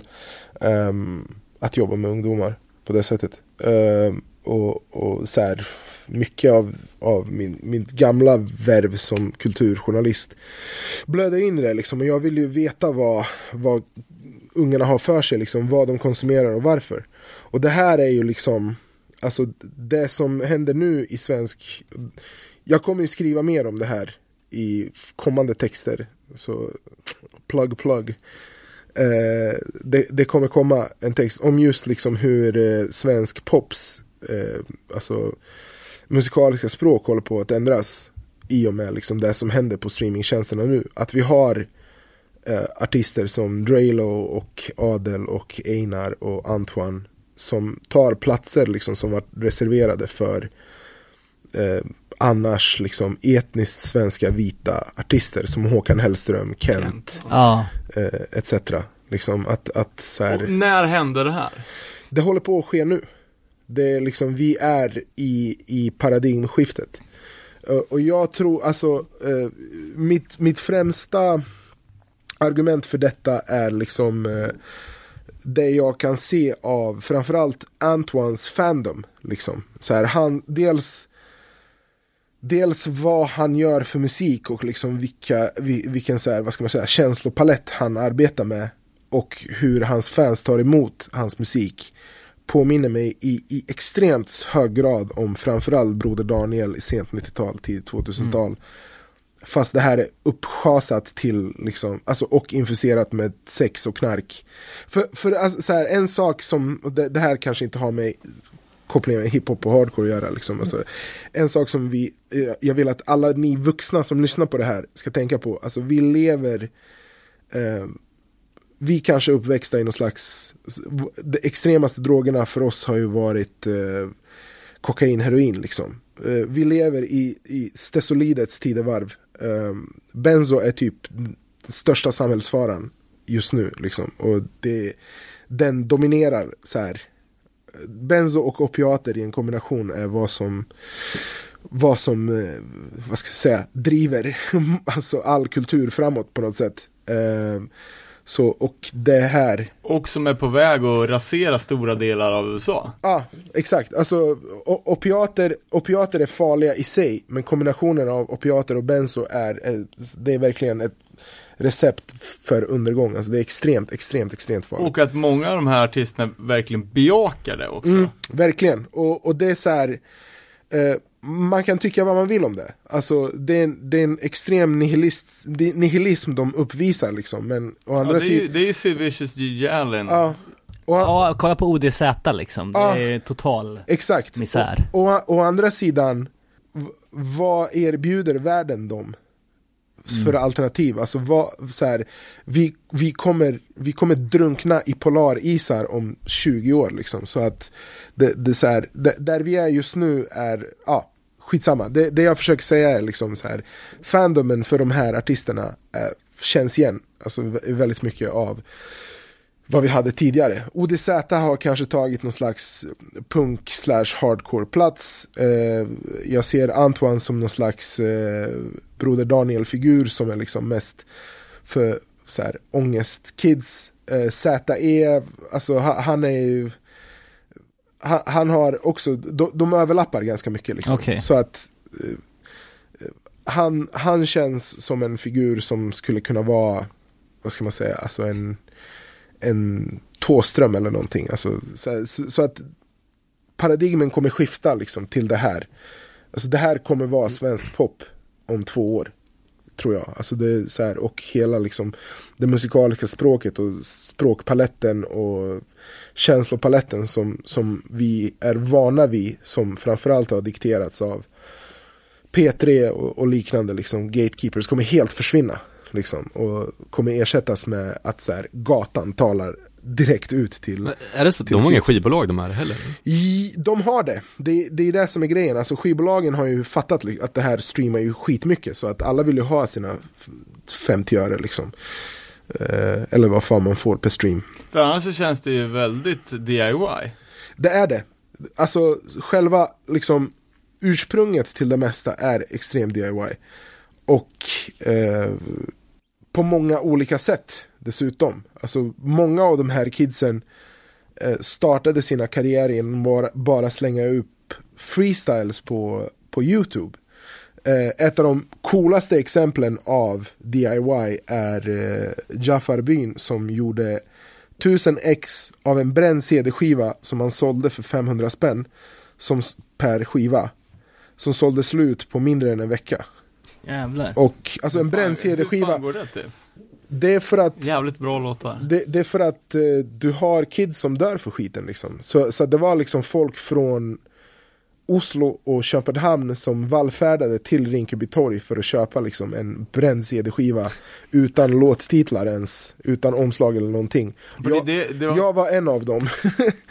Good for you. Men det är ju som man ser, alltså framförallt när man är i USA till exempel, att folk går och ska hassla sina demos. Ja, Alltså. Men det är ju, det är ju ingen av dem som Mm. slår. För det här är ju taget från, eh, alltså den här grejen är ju tagen från eh, Rest in Peace Nipsey Hussle. Han gjorde det här, han gjorde en grej som man kallade för Proud to Pay. Och han släppte eh, 1000 ex av ett album, eller en mixtape. Som han sålde för 100 dollar på en dag. Det var kö liksom, alltså hela Crenshaw hade kommit ut. Det var kö. Eh, alltså en kilometer för att komma och köpa hans, hans skiva och folk betalade liksom gladeligen 100 dollar för en CD som dagen efter släpptes gratis på That Piff. Men alltså, innan Nipsey Hussle gick bort, Ja, hur stor var han? För nu är han ju uppenbarligen världens mest omtalade artist. ja, Men jag, jag, jag hade aldrig hört hans namn innan. Alltså han, han är ju mycket mer, han är ju mycket mer älskad eh, figur än vad han var kanske artist. Han, gjorde, han, liksom, han var ju verksam nästan tio år innan han släppte ett, vad man kallar för debutalbum. Alltså ett album på ett majorbolag. Men han var alltså Voice of a Generation karaktär. alltså på, på ett sätt som jag kan inte ens börja beskriva. Alltså det är så här, jag blir, jag blir inte ledsen. Alltså jag, så här, utöver allt den här skiten, jag har varit djupt insyltad i reggae och dancehall-svängen i många år. Jag är van vid att mina idoler dör på löpande band eller åker in i fängelse liksom. Jag, har, jag blir inte upprörd av att kändisar dör liksom. Jag överlevde Gregory Isaacs som är liksom en av mina största favoritartister genom tiderna. Uh, han dog. Eh, och det var så här, ja, ah, trist att Gregory Isaacs dog. Men första gången på en miljard år så grät jag till en kändis död. Alltså, då, så här, då snackar vi Michael Jackson, Prince. Jag har sett Prince live två gånger, alltså det, är, så- det är en stor idol för mig. Men när Nipsey dog, alltså, det kändes som att någon bara hade tagit något vackert ur världen och bara fimpat det. Liksom. Det var så här, jag, jag kan inte... Det är svårt att börja beskriva liksom vad, vad han hade för inverkan på eh, kulturen bara. Genom att bara vara. Alltså han var, han, han var bara så extremt reko i en värld av Orek. skit. jag måste bara få återvända till det här vi pratade om med, med nya, nya vågen av hiphop och, Ja, och, och trap och så. Alltså hur eh, också extremt eh, i centrum sociala medier är i det här sammanhanget. För eh, bara en historia ur verkligheten då. Min tjej hon är fältassistent. Hon är ute mycket på ungdomsgårdar och så här och jobbar i Mölndal. eh, i Göteborg och eh, så jag följde deras Instagramkonto och då hade de varit på en ungdomsgård så här där de bara hade varit en oannonserad spelning med med någon hiphopartist liksom, så då hade de taggat han på sociala medier. Så gick jag in och kollade så här. Och han hade ju för fan mer followers än typ både Millen och Bad Religion och alla de här banden liksom på Instagram. Mm. Och så här 120 000. Man har aldrig hört talas om honom om man spelar på en fritidsgård i Mölndal liksom. Om det är Mölndal, det skulle kunna vara Aden och Asme eller en av dem respektive Ja, västkust. jag kommer inte ihåg vad han hette men. de, de, de är ju, alltså de har en extrem närvaro, alltså det är så här Det är det här som eh, påminner väldigt mycket om punken, alltså de har ju lärt sig liksom använda sin si- Alltså teknologin för att tala till sin Mm. målgrupp direkt Utan att behöva liksom några gatekeepers Mm. Och jag tänker bara liksom vad som skulle kunna hända, för nu börjar ju skivbolagen lägga vantarna på, på alla de här en efter en liksom. Och jag såg en jättehemsk bild på ZE och typ ett av mina främsta hatobjekt i, i svensk kultur, Jens Lapidus. De tillsammans liksom, jag bara fan, det här är så, äkta cursed bild liksom. Ska jag skriva en ny bok om honom? alltså det är hemskt, jag vill inte, se, jag vill inte läsa Jens Lapidus bok om, om, om ZEs eventuella, alltså det, det, så här, skaffa, en, skaffa en annan, skaffa en spökförfattare liksom. Använd inte av honom liksom. Så, så det är så här, det börjar, och det är det som talar för att det kommer röra sig in i mittfåran liksom på ett stort sätt. Eh, som, som kom, alltså det är redan, alltså det, det sker redan.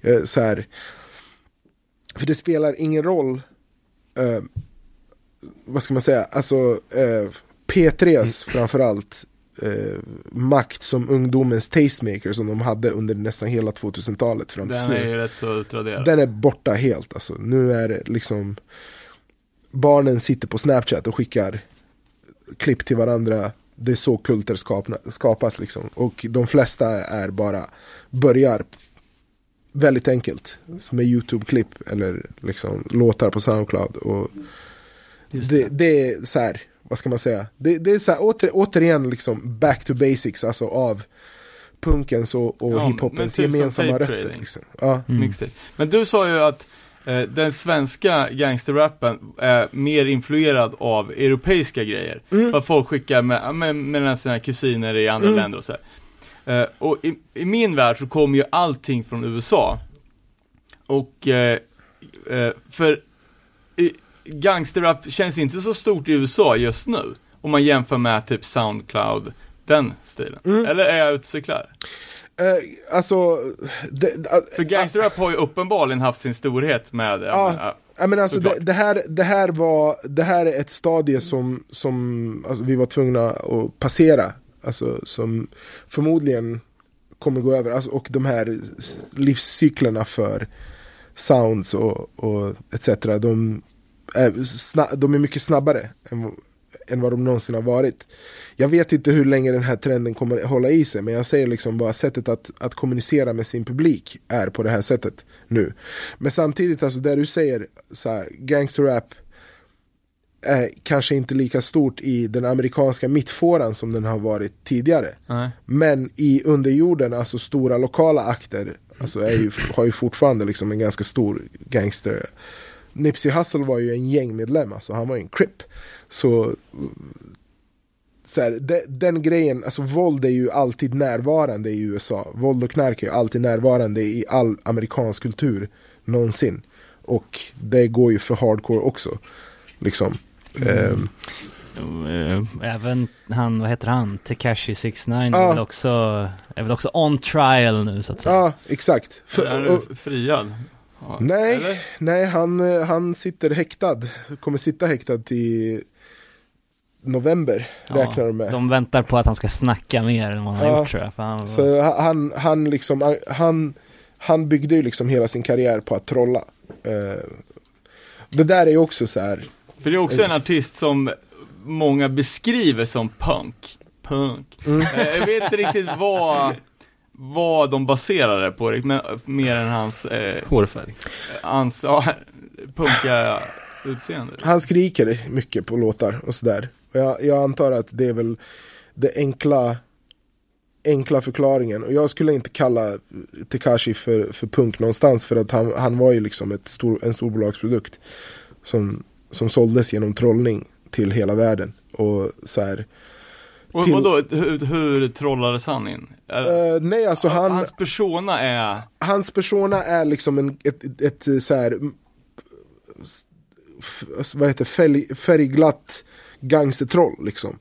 Så han gjorde ju massor med dumma våghalsiga saker liksom i, i så, så här, gängsammanhang liksom. Han åkte till Chicago och bara så här, ja, Chief Keef kom hit, jag ska sätta ut en, en jag sätter ut så pengar på ditt huvud liksom. Sådana där, alltså Det farliga. skrev han typ på Twitter. Ja, alltså farliga, farliga grejer liksom. Så här, så, sånt som man inte gör bara. Och vilket gjorde liksom att så här, allt kring honom accelererade tills det till slut slutade i att farbror FBI bara Kom kom. för för problem, problemet är liksom, är du inblandad eller låtsas du vara inblandad i gäng och håller en så hög profil så kommer du åka på en federal indictment liksom från FBI för att de ser inte på, med blida ögon på det där. Och grejen är så här, när FBI kommer det det, är inte, det är inte som när vanliga snuten kommer utan det är så här de har tittat på det länge, de har allt de behöver. Ja. Jag, vet, jag vet inte riktigt vad det innebär, men det var väl racketeering och det är ju... Ja, Re- Re- RICO, alltså det är typ i, i princip organiserad brottslighet. Ja. Som de anklagar honom för. Vilket anses vara typ det, det strängaste, värsta brottet. Och så här, det, där- det där är också så här en grej som man kan diskutera. Men oavsett eh, vad, vad som är punk med honom antar jag liksom så här, alltså han, han spelade ju väldigt mycket på han gjorde bara massa våghalsiga nihil- nihilistiska saker och skrek på sina låtar och kidsen älskade det liksom. Men alltså så här, det har ju kommit fram nu på senare tid, eller liksom så här, man, man visste ju det redan då om man, om man läste. Problemet nu med streaming det är att så här, du har inte tillgång till credits på samma sätt att läsa, så du, du ser inte vart saker släpps på samma sätt. Det är svårt att se igenom bakgrundsbusinessen i, att bara läsa sig till det utan att ställa, åka runt och ställa en massa frågor.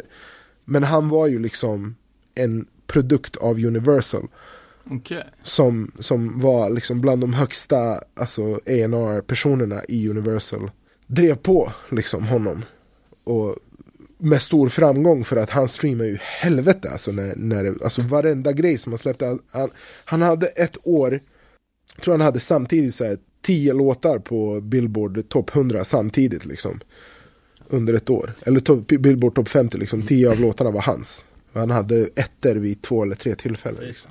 Men verkar ha en jävligt, alltså, bra following. Trots att det har ju kommit, ja men såhär, eh, sexuella övergreppsprylar Ja, ja. och sen nu så här, snitcha ut massa folk. Mm. Och ändå så är det folk som, Ja, som är där och backar upp honom. Ja, liksom. och det, och det säger väl, alltså, och det är det här som är, vad ska man säga, det är väl det här som är, man kan säga är eh, stora avigsidan med hiphop, att göra, ett, som ett sätt att göra saker på liksom. För det är bara ett uppträdande, alltså det är, eh, du samlar på dig kulturella markörer och du presenterar dem liksom i en performance. Det är, det behöver inte vara på riktigt.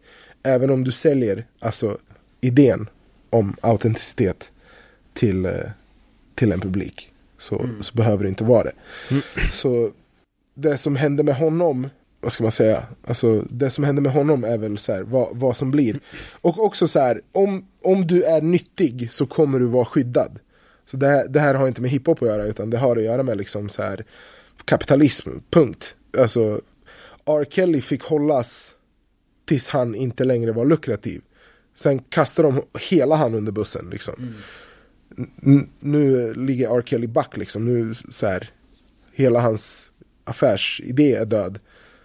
Ingen, kan, ingen har någon användning för honom, då kan liksom Precis, då är det ingen där som är honom. för, försvarar honom. Men det är väl en hel folkrörelse stand-up for Robert? Med, Det är absolut- men så här, Ricky Lake-publik som, Mm. som fortfarande Ja. backar honom. Alltså jag vill inte kalla det för en folkrörelse, det är typ, det är ett gäng så här tanter i USA som, som har goda minnen av hans ballader. Liksom. Eh, inte bara tanter, alltså det är ett gäng olika människor som har, alltså jag ingår väl i den, alltså jag är absolut don't stand up för Robert liksom, men jag har haft väldigt svårt att skiljas från R. Kelly liksom. R. Kelly har varit en av de största artisterna för mig. Det, Är det samma sak med Michael Jackson? I och med att hans katalog kanske inte är lika inkomstbringande. Och då kan de göra den här dokumentären liksom. Never Ja, alltså så här, det, det där är också, man, man kan inte prata i termer av dem. Uh, alltså, så här, do, det har gjorts försök och jag, så här, jag, jag vet inte vad det där var för någonting. Jag tycker bara att det där var en lite dålig journalistisk produkt. Men uh, så här, det, till slut så till slut så skjut, slutar folk skydda liksom de här Alltså kassakorna kassakorna till, när de inte är kassakor längre eller så liksom avancerar de till nästa nivå av makt. R. Kelly hade, haft, hade oturen att liksom alltid vara en slav. Till, alltså liksom, han har ju alltid, han har ju aldrig liksom fått riktig materiell makt. Han har ju bara haft den här strukturen runt sig så länge han har kunnat liksom tjäna pengar åt, åt Atlantic. Så, som nu när han inte kan det längre så, så är det ingen som bryr sig. Eh, Michael Jackson är ju död. Men fram tills han dog så, alltså, han var ju teflondan liksom. Det gick inte att göra någonting. Nej. Och OJ var väl rätt så länge det också. Ja, Eh, verkligen. Och det, så här, det där går ju för och det, så här, Nu snackar vi om, om tre svarta män i underhållningsbranschen. Alltså, Mm. så här, tänk på hur många, alltså vi, vi hade ju så här. Det, nu, det här har ingenting med vad vi pratar om Nej, men- från början att göra. Men hon som, som eh, fuckade upp hela Swedbank. Hon fick ju eh, ett fallskärm istället för tio år i fängelse som hon borde ha fått. Liksom. Så, så kapitalismen kommer alltid skydda liksom, sina guldgossar. mm. Sen, eh, jag vet om man ska, ha- har vi någonting på, alltså drogfrihet inom vegan straight edge? Ja, Du och skickade en länk om det ju. det, det, där, det där är liksom, det, det är så här, Var det Usivert eller? Jag tror, nej jag tror att det är Lil Yachty som är, Ja. som är straight edge. Däremot så eh, eh, ASAP Rocky och Lil Uzi Vert har gjort en låt som heter Uzi Gang. Som eh, är inspelad på en Zibalba-spelning. Eh, med mors och hela kittet. En, Eh, en video menar du? Ja, precis. En video, exakt. Ja, det var, vad fan är det, Uzi var ju, det var någon så här snack om att han, Uzi Vert, vart fan var det, alltså, han hade någon bandtisha på sig. På, från något 2000-talsband som jag aldrig har hört talas om. Ja, för, kan, kan någon googla Lil Uzi Vert hardcore t-shirt? Det har ju hänt förut, alltså den Fast att han, han, var, han var på spelningen och morsade också. Okej. För det me- mest klassiska, Just det är det, ju exakt. Public Enemy med My Threat t-shirt där. I Glenn E. Friedman-boken.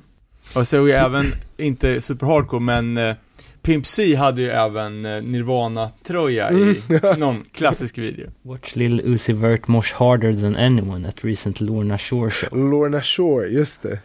Jag har aldrig hört talas om Lorna Shore innan jag hörde talas om hans t-shirt. Det låter som deathcore. Ja. Men det här med att Adam Tensta började rocka skinhead-stilen då? Var, Eh, var inte han först med det? Jag tänker Ja. bomberjackan var, var mans flagg, helt plötsligt. ja, för, alltså, för, för grejen är så här, bomberjackan eller alfajackan var ju, var ju kickers mode också. Det är bara att de inte hade Martins, de hade ju Buffalos liksom. Ja. Så, så det, där, det där har mer med fotboll att göra än med punk. Ja, men jag, jag, jag, jag, tän- jag tänker ju skinhead för han, han gjorde väl en video som i, i min värld var det som lanserade hela den grejen, för då hade man hade ju inte sett en bomberjacka på något annat än skinheads de senaste tio Mm. åren. Nej, Men Sen vart det ju det Ja, det, extremt stort. Kan hända. Alltså, jag... Fan, svårt att erinra mig liksom att... För, för det, det var i hiphop, i så här, svensk hiphop eh, mode så var inte det liksom en stor grej. Eh, utan svensk, så här, om man ska se till vad, alltså det, den scenen som jag bevakar, alltså de, de har en fortsättningen på den gamla kickers-estetiken. Liksom. De köper bara dyra designerkläder liksom, som finns tillgängliga i Sverige. Ja. Nej, men man, man ser ju de, de svenska gangsterrappare, de, de har ju liksom casual stil Mm. snarare Alltså, det, än det är liksom, bling. alltså det är antingen så, så kör de, eh, så kör de alltså just Stone Island eller det finns typ en, en tysk designer som, är, som gör skitgräsliga kläder som heter Philip Plain. Som gör alltså skitfula t-shirtar med, med bedazzled så här, dödskalle för 6000 spänn liksom. Fy fan. Skitfult alltså. Men de gillar det så. Ja. Och, och approprieringar, eller influerandet av bling-bling i hardcoren, det står ju beatdown-banden rätt så hårt rockar guldkedjor och, och flexar på Maseratis och sådär. Men eh, om man ska prata lite om svensk hardcore då och hiphop connection så är det väl framförallt Hårda Tider som har ett rätt eh, tä- tätt förhållande med Stockholm Inkasso. Mm. Eh, Och Hårda Tider har ju också, de har ju inte bara, ja, hip, en tydlig hiphop-vibe med, ja, med, med graffitin och ja, samarbetet med, också att de breddar från krust till typ New Hardcore-influencer. Ja, Så just de det. skjuter ju, de gör det jävligt bra, men de skjuter ju också jävligt brett. Ja, Eh, och, och grejen är så här, där, är, där hamnar vi på någon så här subkulturell nivå liksom. Och där, alltså, onda är väl liksom eh, Rest in Peace, så, som har varit den drivande liksom bakom den kopplingen. Liksom. Han, han är en sån, eller var, eh, må han vila i frid, eh, en, en musikalisk savant liksom. Han var ju med i Henry Fiatts Open Sore Ja, just det. Eh, Trumma. och spela trummor. Eh, och liksom, det är ju ett sånt, vad ska man, vad, vad, ska man kalla det för? Det är typ Speedpunk. Typ. ske, seke, seke-aktig musik typ. Så snabb, tuppla-tuppla punk. Mm. Liksom. Och han, hans liksom, det, det Stockholm Inkasso gör, eh, eller gjorde i alla fall när Onda fanns, alltså de förhöll, de förhöll sig liksom till hiphop på ett subkulturellt plan fortfarande. Så de, de hade ju vissa sounds som de graviterade till och som, som de emulerade. Eh, och för dem så var det säkert naturligt att så här, ja men, så här, klart som fan vi ska göra en låt med hårda tider för att onda är punkare i grunden liksom. Eh, men jag tror inte att det har eh, med, med hans hiphopighet att göra liksom. Utan de, den grejen var, är ganska separat därifrån. Utan så det här har mycket med, med onda punkaren att göra än med onda hiphopparen. Eh, sen har vi ju, ehm, vad heter det, Eh, vi har ju Loop Troop, de släppte ju, när de väl signade, för de var ju de var ju jättemåna om att vara independent under hela sitt 90-tal. eh, när de väl signade så signade de med, med att de gjorde en imprint på Burning Heart som hette David vs Goliath. Jag vet inte om den är kvar där eller om den har flyttat upp till Epitaph. Men det, det var liksom, de tog ett punkbolag, alltså det svenska punkbolaget. Och det är så här, att vara från Örebro och att vara subkulturell på 90-talet, 2000-talet, det var omöjligt att undvika Burning Heart. Liksom. Mm. Alla här har väl någon slags anknytning till, alla runt det här bordet Ja. tror jag har antingen jobbat eller besökt lagret vid något Mm. tillfälle. Men alltså hur, hur, för de vart ju enorma, alltså eh, på, i skatehallen så spelades i Modern Day City Symphony Mm. och på repeat varje dag Ja. i ett år. Hur stora var de innan? Alltså, i, där de har en, en eh, vad heter det, utvecklingskurva som påminner väldigt mycket om ODZ. Eh, men enda skillnaden liksom att här, de, de, de var ju klottrare. Så det var deras grej. Alltså det var det som var deras st stora, stora USP. Och det var det som lanserade dem internationellt. Alltså då så här, de, de rappade om klotter, andra klottare tog vid och sprang med det liksom. Jag har, det var länge sedan jag aktivt lyssnade på Loop Troop. Jag, så här, jag, vill fortfarande, jag står fortfarande fast vid att DJ MB är en av få svenska hiphopproducenter som har ett eget sound. Ett helt eget unikt sound. Men eh, så fort svensk hiphop på svenska började liksom Jag vet inte, alltså så, fort, det, det, så här, när jag släppte den här infantila idén om klotter Liksom, och började bry mig om verkliga livet. Vilket är andra, så här, andra Latin Kings skivan, första Ison och Fille skivan. Och när jag insåg att så här, ja men de är inte så jävla bra på engelska egentligen. så, så, så släppte jag Loop Troop, alltså, och så här, jag, jag förstår jag förstår deras tilltal, men deras tilltal är ju klotter alltså, och då framförallt så här, det, det här osynliga, normala som, som ingen pratar om, vithet. Det är så här, det, det är alltid bra att vara vit, liksom i alla sammanhang. Mm.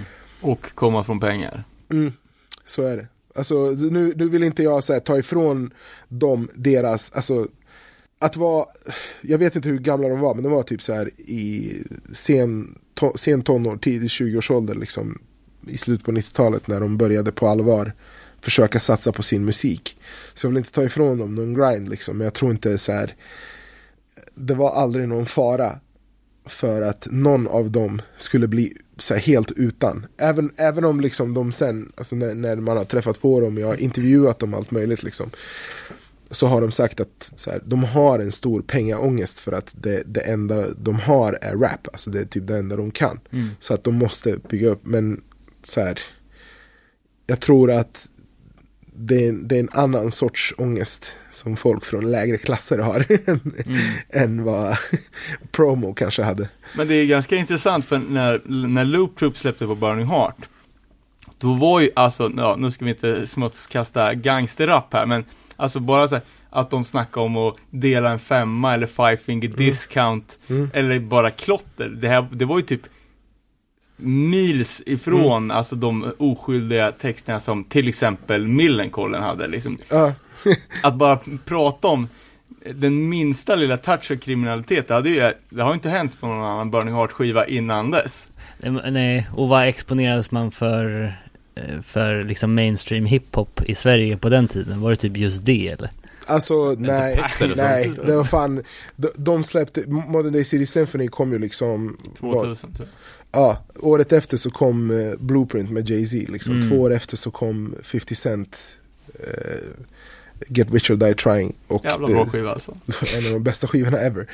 Eh, så, så jag menar så här, hiphop, mainstream så här, gangsterrap har ju, har ju alltid förekommit. Men på ett svenskt skivbolag, på ett svenskt punkskivbolag, jag menar så här, det, det var ju milsvid, milsvid skillnad mellan vad de pratade om och vad, vad Millencolin sjöng om liksom. Och det här var ju, tänk också på att det här var så här Millencolins hi-fi rockperiod. By the way, typ en av mina få insatser som kulturkritiker var, eh, jag recenserade, vilken var det? Fan vilken skiva var det? Den, vad heter den med, när de har robotar i videon? Machine 15 kanske. Alltså de har robotar som spelar gitarr. Eh, 2003 tror jag att kom, den skivan kom. 2004 kanske. Ja, det är väl den eller Home from Home. Home from Home tror jag att det är. Eh, jag recenserade Home from Home i Närkes Allehanda då. Och gav Millencolin deras första betyg under fyra någonsin i publikationens historia. Jag höll på att bli lyn- lynchad på mitt, på mitt andra hem av flera eh, flera så här, eh, punkare som, som jobbade på Burning Heart vid den tiden. Liksom. Men jag, så här, det var fortfarande, det, det de inte visste var att så här, en trea är ju fortfarande lika med bra. Mm. Det var bara inte, det var bara inte briljant. Som, som de trodde att de hade gjort med sin, typ när de försökte vara Foo Fighters under den perioden. Ja, fan vad kul. Eh, annat värt att nämna från Sverige är ju Håll det äkta som har gjort låten Silv- Silvermedalj tillsammans med Cleo. Eh, och Håll det äkta är ju också med i Random Bastards. Random Bastards har ju rappare som Irk som namedroppar hårda tider i någon Mm. låt och sådär också. Ja, och, och vi var ju och eh, besökte eh, Håll när de spelade in sin Soul Cracks the Gold, sista skivan. Men släppet innan eh, så gjorde de någon slags collab. Det var ju då Sabotage som eh, låten Silvermedalj är med på när de fitar Cleo. Men en låt som... låt alltså. Ja, den är Mm. grym. Grymt flow också eh, i den låten. Eh, och det gjordes ju också ännu ett hiphop-samarbete under den här sessionen som inte har släppts. Vi har fått äran då att spela upp den här låten som är med Håll det äkta och inga mindre än Broder John och Fricky. Fricky som är ja, en av Sveriges största rappare just nu, får man säga. Mm. Ehm, och eh, så vi tänkte vi ska köra den på slutet här nu. Eh, den heter väl Naturen slår tillbaka. Eh, det blir jävligt fett eh, att, att få blästa den. Ehm, men ska vi eh, bara säga ett stort tack till Hassan som var med. Ja, Sant, tack. sant nöje. Tack som fan. Alltså, det, är så här, eh, det känns som att det här var det känns som att jag bara tog över eran podcast. Bara Ja, det var lite det som var tänkt. Vi kan ju noll om hiphop så att Precis. ibland måste vi få lyssna på, på lite också. Vi Ja. inte bara sitta och tugga själva. Nej, nej, men det var, det var skittrevligt. Det var trevligt att rannsaka sina egna minnesbanker kring allt det här. För, och, och tänka på så här, hur sjuk, sjukt mycket tid och pengar man har lagt ner på i, alltså egentligen allt det här. Ja. så så tä- tänk, tänk på liksom att det finns nu när jag, så här, det, det är läskigt att tänka på så här att det här är bara det här. Sen finns det lika mycket dancehall och reggae där också. Eh, Jag blev lite nyfiken på när du pratade om att du har kommande texter också. Är det tidningen Arbetet som man ska hålla Mm. Nej, det är, inte, till? det är inte tidningen Arbete. Det kommer, det, det, jag, jag, jag, länk, jag länkar till er så får ni väl använda det i samband med. Men det, det kommer komma i, i olika publikationer. Jag kan inte prata om det. Nej, okej, jag förstår. Nej men fett, det ser vi fram emot. Mm, och om ni vill läsa, jag finns på Wordpress. Eh, inte så jätteaktiv där nu för jag har lite mycket att göra. Men det, det kommer texter sporadiskt där, liksom, om lite allt möjligt.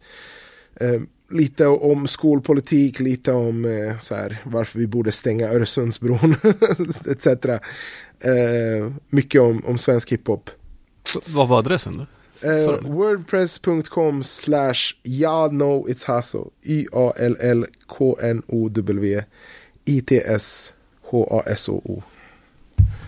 Eh, Och vi kan ju även teasa att det kommer komma ett bonusmaterial efter det här avsnittet där Hassan recenserar av oss utvalda hardcore-personer som försöker göra hiphop-låtar. Ja, det var, det var en upplevelse.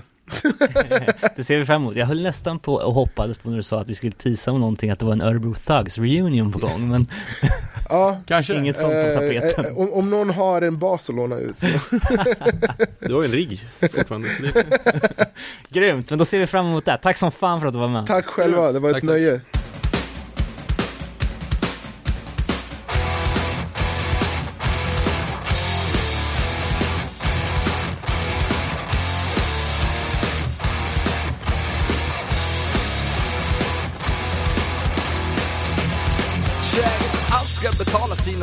Så när vi slår tillbaks är det våran tid att tjura. Ni budar på våra liv, bygger hierarki.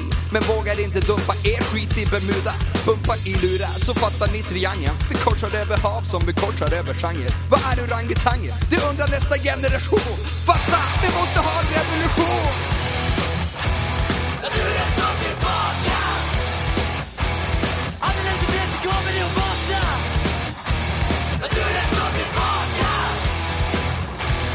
Ja. För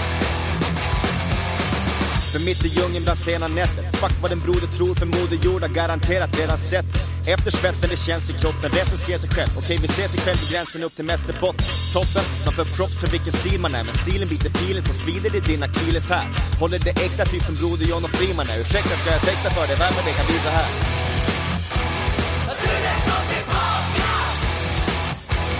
I've never been to comedy